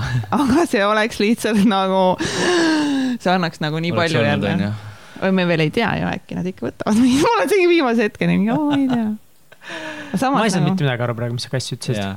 Aa, sa räägid, et, et, et No- selles mõttes, et sina pigem, Egert, nagu lased osadel minna juba, Mhm. võtta hea meelega järgmise, aga kats, sa nagu. osadega ikka, osadega sa ikka veel. kuigi ma tean, et ei maksa, nagu ma tean, et võib ta on tõesti, aga ei, ma saab hakkama, ei ma ikka veel. äkki, äkki ikka tuleb. Tead, ma veel proovin, ma annan veel sihuke sportlik sihuke huvi on. no vot, ega kunagi ei tea võib-olla jah, et see on kus seda piiri tõmmata, sest mõnikord on vaja saada see ei kätte, et edasi liikuda, see ei on jaa, jaa. Kui seda ei tihti tule, vot on siis on palju parem. vot ongi, ma ei ole saanud seda ei-d veel nagu, noh, senikaua nagu noh, kui ma sa ei ole mulle seda kindlat ei-d öelnud, siis ma mingi kuule, aga see ongi halb, et Täpselt. sellepärast ma räägin, et ei saada, kiire ei saada on palju parem kui väga pikk võib-olla. ma. tahakski klientidele seda südamele panna, et Mm. nagu kui te nagu, kui teile tundub, noh. et te ei taha meiega midagi teha, siis lihtsalt öelge seda. meil on palju lihtsam. ja ärge olge nii viisakad lihtsalt nagu, ärge kuradi tõmmake minema siit, kuradi jobud noh, te ei oska mitte sittagi teha. Egert, kuidas sa handle'id nagu kõike seda, et äh, sul on vaja juhtida koos Katsiga teie ettevõtet, sul on vaja, teil on kiiresti vaja tegutseda, teil on kogu aeg vaja järgmist klienti saada hetkel veel, sest te olete selles kasvu alustamise faasis. aga kõige selle juures veel figureerib meie Täitsa Pekis saade, meie live show, sina oled nagu väga suur osa just ka kõikide nende promovideode ja meie episoodide monteerimisel, helisüsteemid, see võtab väga palju aega sult, et kas sa nagu vahepeal tunned, et nagu fuck, et ma teen nii palju mingeid tasuta asju mingi Katsi ja Mihkli jaoks või no ütleme, et kui need me ei oleks siin või kuidas sa asetad, asetad need nii-öelda vabatahtlikud ettevõtmised oma tavatööga, on see stressi tekitanud sulle? kusjuures äh, ma pean ausalt ütlema, et kõige vähem tekitavad stressi minus need vabatahtlikud asjad. kõige vähem, ehk siis need, noh, selles mõttes. Ma mm, Mhm. -hmm. ma ei oska, jah. Ma arvan, et siis ongi vastus. Täitsa ausalt. jaa, podcast'ide tegemine näiteks, see teeb mind täiega õnnelikuks. väga palju on nii lahedaid inimesi, kellega ma olen ko saanud kohtuda, neid kuulata laivis. teised peavad salvestust kuulama, siis ma saan laivis kuulata. väga paljude inimestega tuttavaks, kellega me oleme pärast ka suhtlema hakanud, onju. et eh, ma teadsin kohe, mina võtsin kohe selle eesmärgi podcast'i tegemisel, kui Kats ütles, et ta tahab seda teha ja et keda ta sa, tahab sinna kutsuda, mis seda kontseptsiooni seletas, mina teadsin kohe, et ma, et kuna me teeme ka seda ettevõtet, eks ju, need on omavahel äh, kasumlikud nagu selles mõttes, et me saame nagu esiteks ise nendest barjääridest üle võõraste inimestega suhtlemisel äh, ja teiseks me saame väga ägedaid tuttavaid juurde. Ja nii ongi läinud. Ja, ja see on nagu see drive, mis mind selle podcast'i kui sellise juures nagu hoiab. lisaks siis see live show on ju, kus me neid videoid ja neid asju teeme, siis äh, äh, sama, noh, see emotsioon, mis nende, neid asju tehes on, noh, see on lihtsalt nii lahe, sest enamus on ju vabatahtlikud tegelikult, kes meil on ja see ongi see, mis nagu ühendab meid ja, ja nagu drive ib seda värki. Ja montaažis ka, vaata vanasti, kui me Tallinna TV aegadel, ma vingusin kogu aeg Katsi kallal, et ta nõuab mult nii palju. nii, Kats, kas on nii, kas Egert tegelikult on praegu- alati pühapäeva õhtul, kui ta peab seda episoodi esmaspäevaks monteerima, kas ta on alati nii, et oi kui tore, saab vabatahtlik asja teha. kas on nii? ei no see nagu see ei ole jah päris nii, aga ütleme see nagu selle podcast'i episoodi äh, kokkupanemine tegelikult ülilihtne, see on lihtsalt helirida, see on mingi pool tundi tööd, ütleme maks on ju. no kompresseerida ja nivood paika jah, no see, see on nagu lihtne, aga siis on vaja niimoodi meie mingid videod veel teha, siis on mingi kaas. Nendega on raske vahel, jah. ja siis sinna alla peab subtiitreid trükkima, siis ma mingi täiega, meil on vaja subtiitreid nagu, sest inimesed lihtsalt loevad ainult telefonis ja nad ei kuula heliga, meil on vaja subtiitreid. see võtab nagu mega palju aega, et lihtsalt nagu ei, on ikka suht tihti nagu, kurat jälle ei jää veel see nagu. aga tead, milles vahe on või? kui vanasti ma pidasin Katsile pool tundi loengut jaa. kuidas ma ei taha liiga palju tööd teha. ja, Tallinn, see oli Tallinna jah. Televisiooni aegadel. Ma pidasin reaalselt selle asemel tööd teha, ma pidasin talle pika loengu sel teemal, miks ma ei taha just praegu tööd teha. jah. ja ja siis ma pidasin pool tundi vastulaengut, Jah. miks sa peaksid selle töö ära tegema Täpselt. ja siis tund aega hiljem sa tegid ära selle töö. jah, ehk siis kokku see läks nagu see energia oli lihtsalt nii hull, mis sinna peale läks. ja enam seda ei ole nagu, jah. ja see on minu jaoks nagu ülim saavutus, noh, Hmm. nagu päris mu enda tasemel nagu tasandil. Te olete väga inspireeriv paar minu jaoks. aga minu jaoks kõige suurem üllatus või ma ei tea, mille üle ma imestan kõige rohkem, on see, et te suudate eksisteerida nii palju koos. et te oh olete, my god et. te olete, te töötate, kõik teie projektid on koos, te elate koos ja pärast me teeme veel podcast'i, videosid, kõik meie vabatahtlikud asjad on koos. aga tundub, et toimib, te ole- lihtsalt olete loodud kokku neid asju tegema, et minul näiteks läheb palju rohkem vaja sellist noh, personaalruumi aeg-ajalt, lihtsalt seda omaette olemist natukese. ma tunnen ka, ma olen lihtsalt nii harjunud sellega, et me oleme kogu aeg koos mm. -hmm. teiseks, mul, ma olengi hakanud just jär, nagu rohkem ära harjuma sellega. ehk siis, kui mingi hetk ma reaalselt tundsingi seda, et mul on vaja omaette olla ja siis ma üritasin seda aega võtta, siis see oli alati valel ajal muidugi. et äh, siis jälle läheb nagu saade eetrisse. ja sellepärast, et mul on see, et ma lähen, lähen, lähen, lähen, lähen, lähen, onju. ja siis mingi hetk tuleb see nagu see piir ette, siis see käib niimoodi nätaki raisk. ja siis on nagu, siis ma saan nagu pea, nagu puuga vastu pead, eks ju. ja siis ma tahan, et noh, nii, nüüd ma võtan selle aja. aga see on muidugi vale hetk. ühesõnaga, see selleks. praegu ma olen sellega nii palju rohkem harjunud, et ma ei tunne sisimas, et see mind häiriks reaalselt. vahel mingite käitumiste põhjal ma saan aru, et oh, võib-olla nagu oleks aeg Jah. midagi eraldi ka teha aga ma ei tunne sisimas seda nagu tunnet, et, et ma tahaksin üksi olla reaalselt. või nagu, et ma tahan Kat-, Katrinist eemal olla. Võib-olla Katsil on vastupidi tekkinud. no üldiselt on kõik nagu fine, aga lihtsalt nagu ongi, see on nagu too much. see on lihtsalt nagu ei, too tegelikult much. on, tegelikult lihtsalt on nagu, lihtsalt seda on nagu liiga palju. Aga ma üritasin käia, hakata trennis käima. mis sa arvad, kes kaasa tuli oh,? ma tulen ka ikka trenni. aa, niipidi oli see või? niipidi või? aa, see ei olnud mingi, aa, lähme ikka koos ja tule ka, tule ka, nagu koos Ei, on lihtsam minna, mingi jei, power couple, vaata. ma tegelikult ei mäleta, kui ma pidi, see oli, mul on siuke tunne, et kui ma pidi midagi tegema, teha tahan. aga see ongi mingi peas tekitatud harjumus, vaata, või mingi asi, et, et noh, et aa, kui ma hakkan midagi tegema, siis raudselt kaits tahab ka ja siis ma ei viitsi, sellepärast et aa, golfiga oli tegelikult niimoodi et golfi mulle meeldis täiega golfi mängida, ma käisin hästi palju üksi ja ma ei tahtnud tegelikult, et Kats kaasa tuleks, sest seal oli, seal on nagu Mm. mm., sa saad see neli tundi endale lihtsalt ja sa, sa oledki nagu rahulikult. aga Kats tahtis ka kogu aeg kaasa tulla. ja ühe korra ja ühe käisime. korra jõudis ainult Vau. õnneks, õnneks. Vau, rahvas Et, nagu, äh, mida story't nagu. mis asja? nagu sa käisid kogu aeg golfi üksi mängimas, siis kui see ükskord kats käis Otepääl kaasas, kus me ka ei mänginud tervet rada läbi, vaid pool rada läbi ehk siis mingi tund-poolteist maks kaks nagu. Siis ükskord see oli see mis sinu golfikarjääri lõpp nagu see oli mingi I m done lihtsalt golf nagu, sest mu naine pressib ennast kaasa kogu aeg nagu. suva, et ma fucking sebisin meile selle kuradi golfi seal Otepääl, et me saaks tasuta seda üldse mängima kas ma minna. tohin ka midagi öelda? ei, ma tahtsin seda öelda, et, et see oli, see oligi minust nagu sihuke täielik äh, nagu lapsik äh, arvata või, või üldse mõelda seda, et nagu või nagu üldse sellest mingi probleem teha, vaata mm. -hmm. nagu see oli täiesti lamp, vaata. ühesõnaga sa vahepeal arvad, et ma ei saa nagu ilma sinuta eksisteerida. sellepärast, et ma ise arvan, et ma vahel ei saa ilma sinuta. ehk siis see on nagu, saad aru? ei, noh, minu, minu jaoks on see nagu, nagu see on nii suur juba harjumus, et see tundubki me- meile, noh, minu jaoks tundub meile, et me mõlemad peame nagu. Täna doktor Mihkli. suhtesaates. jah, mõne, mõne natukese, natukese ma saan aru, miks Jesper Parve tahab neid eh, oma podcast'i saateid teha niimoodi, et eh, kaks inimest on seal teisel pool, täitsa naljakas on teid omavahel eh, jauramas vaadata. Aga mina tahaksin näed, Egerti käest küsida välkküsimusi, aga mul on vale läppar kaasas. oh-oh. Kats, kas sul on meie välkküsimused? Mihkel Vetemaa ütles, et tal on vale läppar kaasas, sest tal on neid nagu mingi kümme, oi mul on vabandust. tööarvuti ja mul on isiklik Mul arvuti, mul on tööarvuti kaasas. mul on nagu ma võtan, ilmselgelt mul on kaasas, ma võin ka seda asja I have my uh, notebook. nii, küsime Egerti käest no välkküsimusi nii, mul on juba peas, ma kuulen iga kord neid. ma võin ise, ma võin vastama hakata juba.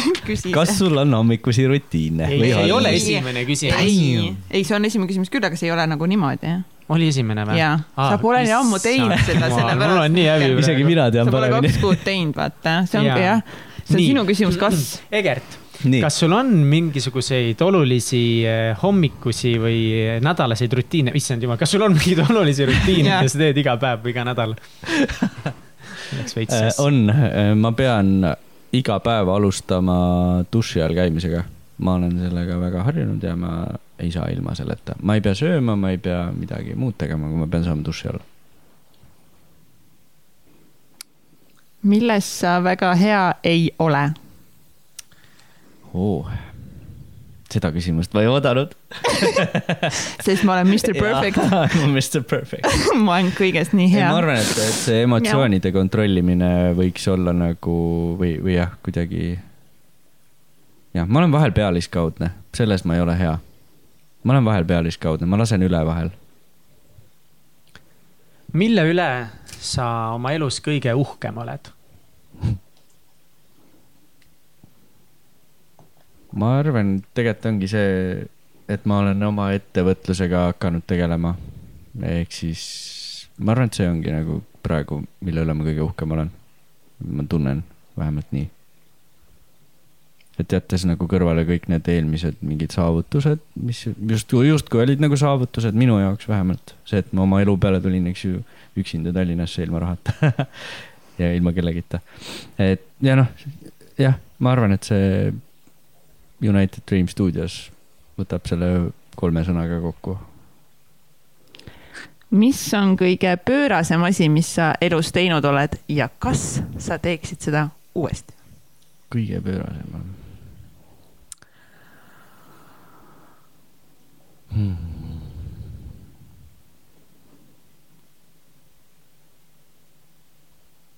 tead, ma ei mäletagi praegu. kas nii võib vastata või? ei.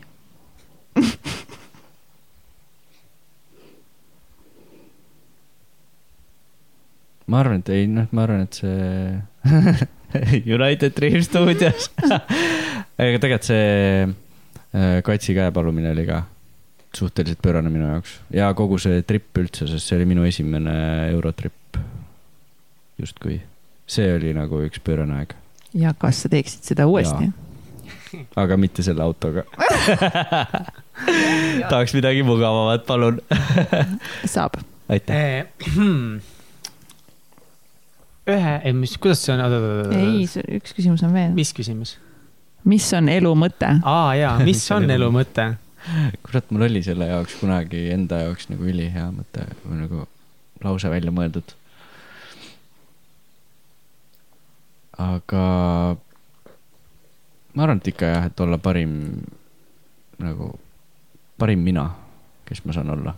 et eh, kogu aeg areneda ja kogu aeg nagu ja, ja nagu suur asi on see teistega arvestamine kindlasti. et teiste tunnete, teiste mingite inimestega mingi, ei tea, mulle meeldib kuidagi see. ja, ja, ja kusjuures kõige, ma, ma arvan, et õnnepisarad on mul tulnud ainult sellest, kui ma olen kellelegi nii palju head teinud. et, et sul ongi selline tunne, et sa oled reaalselt kellegi elu muutnud nagu, isegi kui see on väike asi, aga tema jaoks on see tol hetkel suur asi, siis see on nagu tegelikult see asi, mida ma tahaks rohkem teha üldse oma elus. noh, kõik mõtlevad nii, et oh, küll, kui ma oleks rikas, et siis ma annetaks täiega raha ja ma ei tea, käiks mingi supiköögis suppi jagamas. aga noh, põhimõtteliselt seda ma tahaks teha.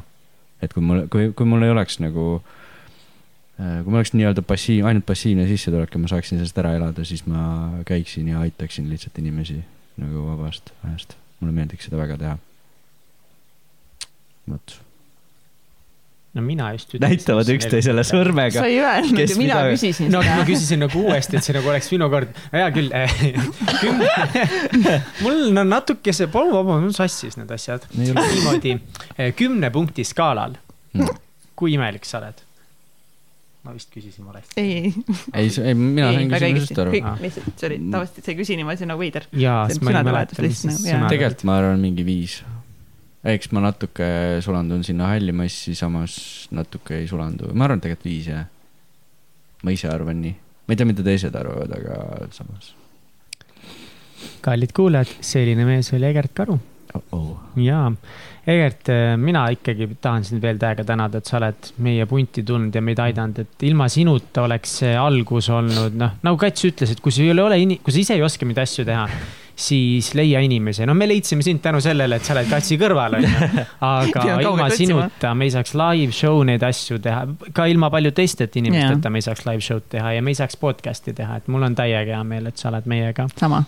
Ja sel samal teemal, kui edasi minna, kallid kuulajad, nagu nii paljud teist on kirjutanud meile, et nad tahaksid aidata meid meie live show'ga ja meil ongi juba väike tiim koos ülitublidest inimestest, kes meid aitavad. aga jätkuvalt meil on vaja veel erinevat abi seoses võib-olla pildistamisega, live show meil ei ole peal. pildistamisega enam abi vaja. mitu fotograafi meil on?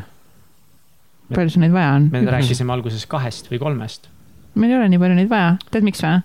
noh, no seepärast, et äh, sul on nagu, noh, alguses on see tulemine, kus on natuke rohkem siblimist, aga ülejäänud aeg sul on nagu ainult laval esineja. nagu meil piisab ühest fotograafist.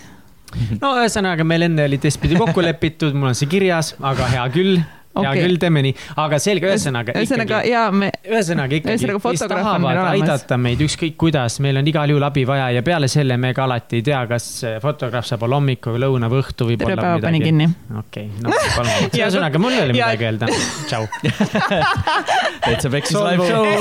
Okei sulle, siis peale. tegelikult ma tahtsin Ei, teisest ei, teemast ka veel rääkida, ühesõnaga, et kõik, kes tahavad eh, veel aidata live show'ga, kes tahavad kohapeal korraldusi aidata, siis see on mega teretulnud, aga teine asi, mis me hakkame varsti tegema, on see, et me tahame teha ka suuremaks meie nii-öelda stabiilse podcast'i meeskonna inimesed, kes aitaksid meil äh, kirjutada külalistele, ette valmistada episoode, üks täiega lahe tüüp äh, kirjutas meile, et ta võib-olla oleks nõus ka tegema mingeid lahedaid videoklippe meil episoodide kohta nagu veel mingeid lühemaid. et kui teil on mingeid mõtteid, mida üks lahe saade peaks tegema, nii, mina tean kohe konkreetselt, mida meil vaja on. meil oleks vaja, et keegi annaks meile ühe ruumi nagu, mille me saaks iseenda stuudios kujundada, ehk siis see võiks olla nagu suht sihuke plank, mida me saaksime siis ise disainida ja keegi võiks lihtsalt anda meile selle ruumi. meil oleks vaja ruumi, kuhu me saaks hakata enda stuudiot andke oma ehitama. ruumid meile. ja no kellel äkki kellel mingi seisab kuskil kontoripind, mingi üks nagu tühi, meil oleks noh, tegelikult päris suurt vaja, või ei tea, mitu ruutu see võiks olla nagu mingi, ma ei tea, noh, kuuskümmend, viis, ongi selles mõttes raske öelda, et tegelikult on, mida suurem, seda parem, aga kui nii-öelda keegi on, tahab tasuta anda, siis. ei no seda me, me ainult tasuta otsimegi, me, me ainult for free, meil on all for free. et kõik, mida te kuulete, et see on nagu see- for see- free, vaata. kuulda lauset, vaatame üle kõik pakkumised. aga võtame vastu need, mis on for free, et ja stuudiod ja kellel on mingit, kellel on oma näiteks mingi tehnikafirma, siis meil on vaja olnud kõike mikrofone, kõrvaklappe, klappe, kõik, mis mingid juhtmed, salvestajad, puldid, jutud, nupud, kõik, mis seda puutub, nii kõike seda on meil vaja. siis meil on vaja videokaameraid, ühesõnaga, kui teil on mingi hull tehnika ette jaa, sest me tahame laivi teha, mitte laivi, vabandust, me tahame teha igast oma saatest ka videolindistuse, panna selle Youtube'i ja Jaa. võib-olla laivülekannet ka. jaa, who knows, keegi ei tea, kuhu me mõtle, kui lahe see suur oleks. eesmärk Täiega. võiks olla jah pluss te saaksite reaalselt näha nagu neid inimesi, kes meil seal kohal on ja kuidas nad vastavad. üks Jaa, asi on kuul-, jaa jaa., täpselt, üks asi on kuulda neid, Jaa. aga teine asi on ka näha nagu Kuidas ta nägu ütles ja seda?, ja, jah ja, sest äkki te kujutate oma peas hoopis teistmoodi seda ette. mõne inimese kohta, kes meil on saates käinud, on inimesed öelnud näiteks, et aa, et tema tundus sõbralikum või tema tundus hoopiski kuidagi ülbem või kurjem natukese oma vastustes. kuigi tegelikult nad ei ole, et kui te näete seda näopilti ja ilmet ja nende, nende miimikat Jaa. siis see annab nii palju rohkem edasi, kes nad on ja kuidas nad on. ja, nii et jaa, videot tahame täiega. ja, ja, et äh, ja, ja siis, kui rääkida veel korra live show'st nagu, mida meil oleks veel vaja, ongi, et äh, tean, et osad on juba meile kirjutanud, et me otsime partnereid, kes tahaksid oma häid tooteid panna meile goodiebagidesse. ehk siis näiteks mingit äh, vett või mingeid kergeid siukseid snäkke, et äh, üks äh, lahe lahe ettevõte meiega ühe ühendust võttis ja paneb kõikidesse goodiebagidesse meile sisse. sellest juba varsti teeme väiksed giveaway'd, mängud, värgid, särgid, ühesõnaga ja goodiebagidesse asju. ja, jah. Mul on veel mingeid asju vaja, mul kohe ei tule meelde. meil on väga palju palju vaja lihtsalt. Ja ausalt öeldes ähm, alguses, noh, ongi, mis on see katsi imeline võime tuua inimesi kokku, kes tahavad ise teha, sest mina ei osanud seda hästi, mul oli natuke see võib-olla nagu imelik küsida kuidagi inimestelt mingit, ma ei tea, lihtsalt mingi loll plokk on ees. aga nüüd ma näen, tegelikult inimesed tahavad aidata, see on nagu nii vinge, sest nagu sina ütlesid, et sulle meeldib teha kedagi teist rõõmsaks, siis väga palju inimesi on meile kirjutanud, kes tahaksid aidata meid teha rõõmsaks ja kõiki neid inimesi, kes tulevad meie live show'le et äh, see on vinge ja tundub, et noh, tegelikult on okei okay paluda abi, et see ei näita, et noh, et sa oled kuidagi kehvem, et sa pead julgema küsida abi. jaa, ja, sest tegelikult inimesed tahavad, Mina olen tahavad aidata tegelikult. sama, et, et kui sul on vaja midagi. ei ole häbi vaja. ja, tunda. jaa. no sa ei pea minema sellest, noh, jah, jah, jah, või osas midagi. jah. tõenäoliselt äh, meil on nagu veel mingeid asju vaja, aga Mm. sellest juba järgmistel kordadel. aga minge külastage meie täitsa punkt, täitsa punktis, täitsa punktis.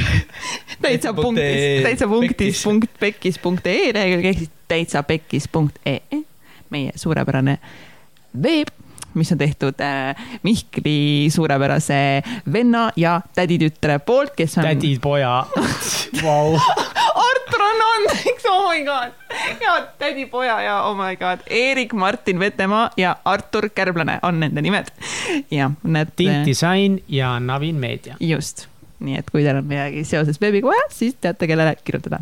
nii, kuhu ma selle jutuga tahtsin jõuda ah,, täitsapekkis.ee, minge sinna, vaadake, meil on juba päris palju esinejaid üleval. just eile lisandus ka. ostke piletid. ja siis raisk hakkab ostma, okei, okei. tegelikult äh, päris paljud on ostnud, päris palju on veel müüa. aga nagu enamus äh, ürituste korraldajad mulle on öelnud, siis kahjuks teevad eestlased ostuotsuse suhteliselt hilja, kui nad mingile üritusele lähevad.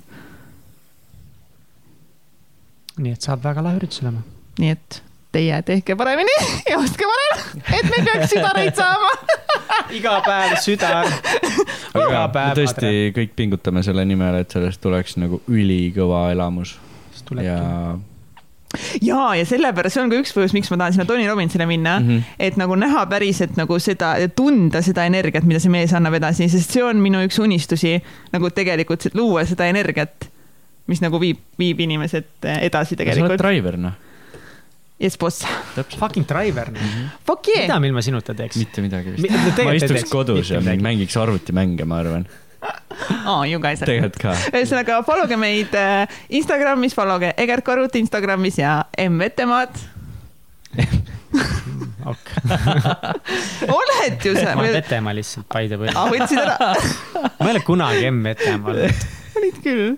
Sul oli mingi asi seal ees seal Instas, sa ei olnud kogu aeg ätt Vetemaa, sul oli mingi värg, mis seal oli kurat. minu Insta karjääri jooksul on olnud Vetemaa. kuulge, ühesõnaga aitäh kuulamast ja juba varsti järgmist saadet ja järgmiste külalisteni. tšau. tšau. tšauki, tšauki, mõina, mõina.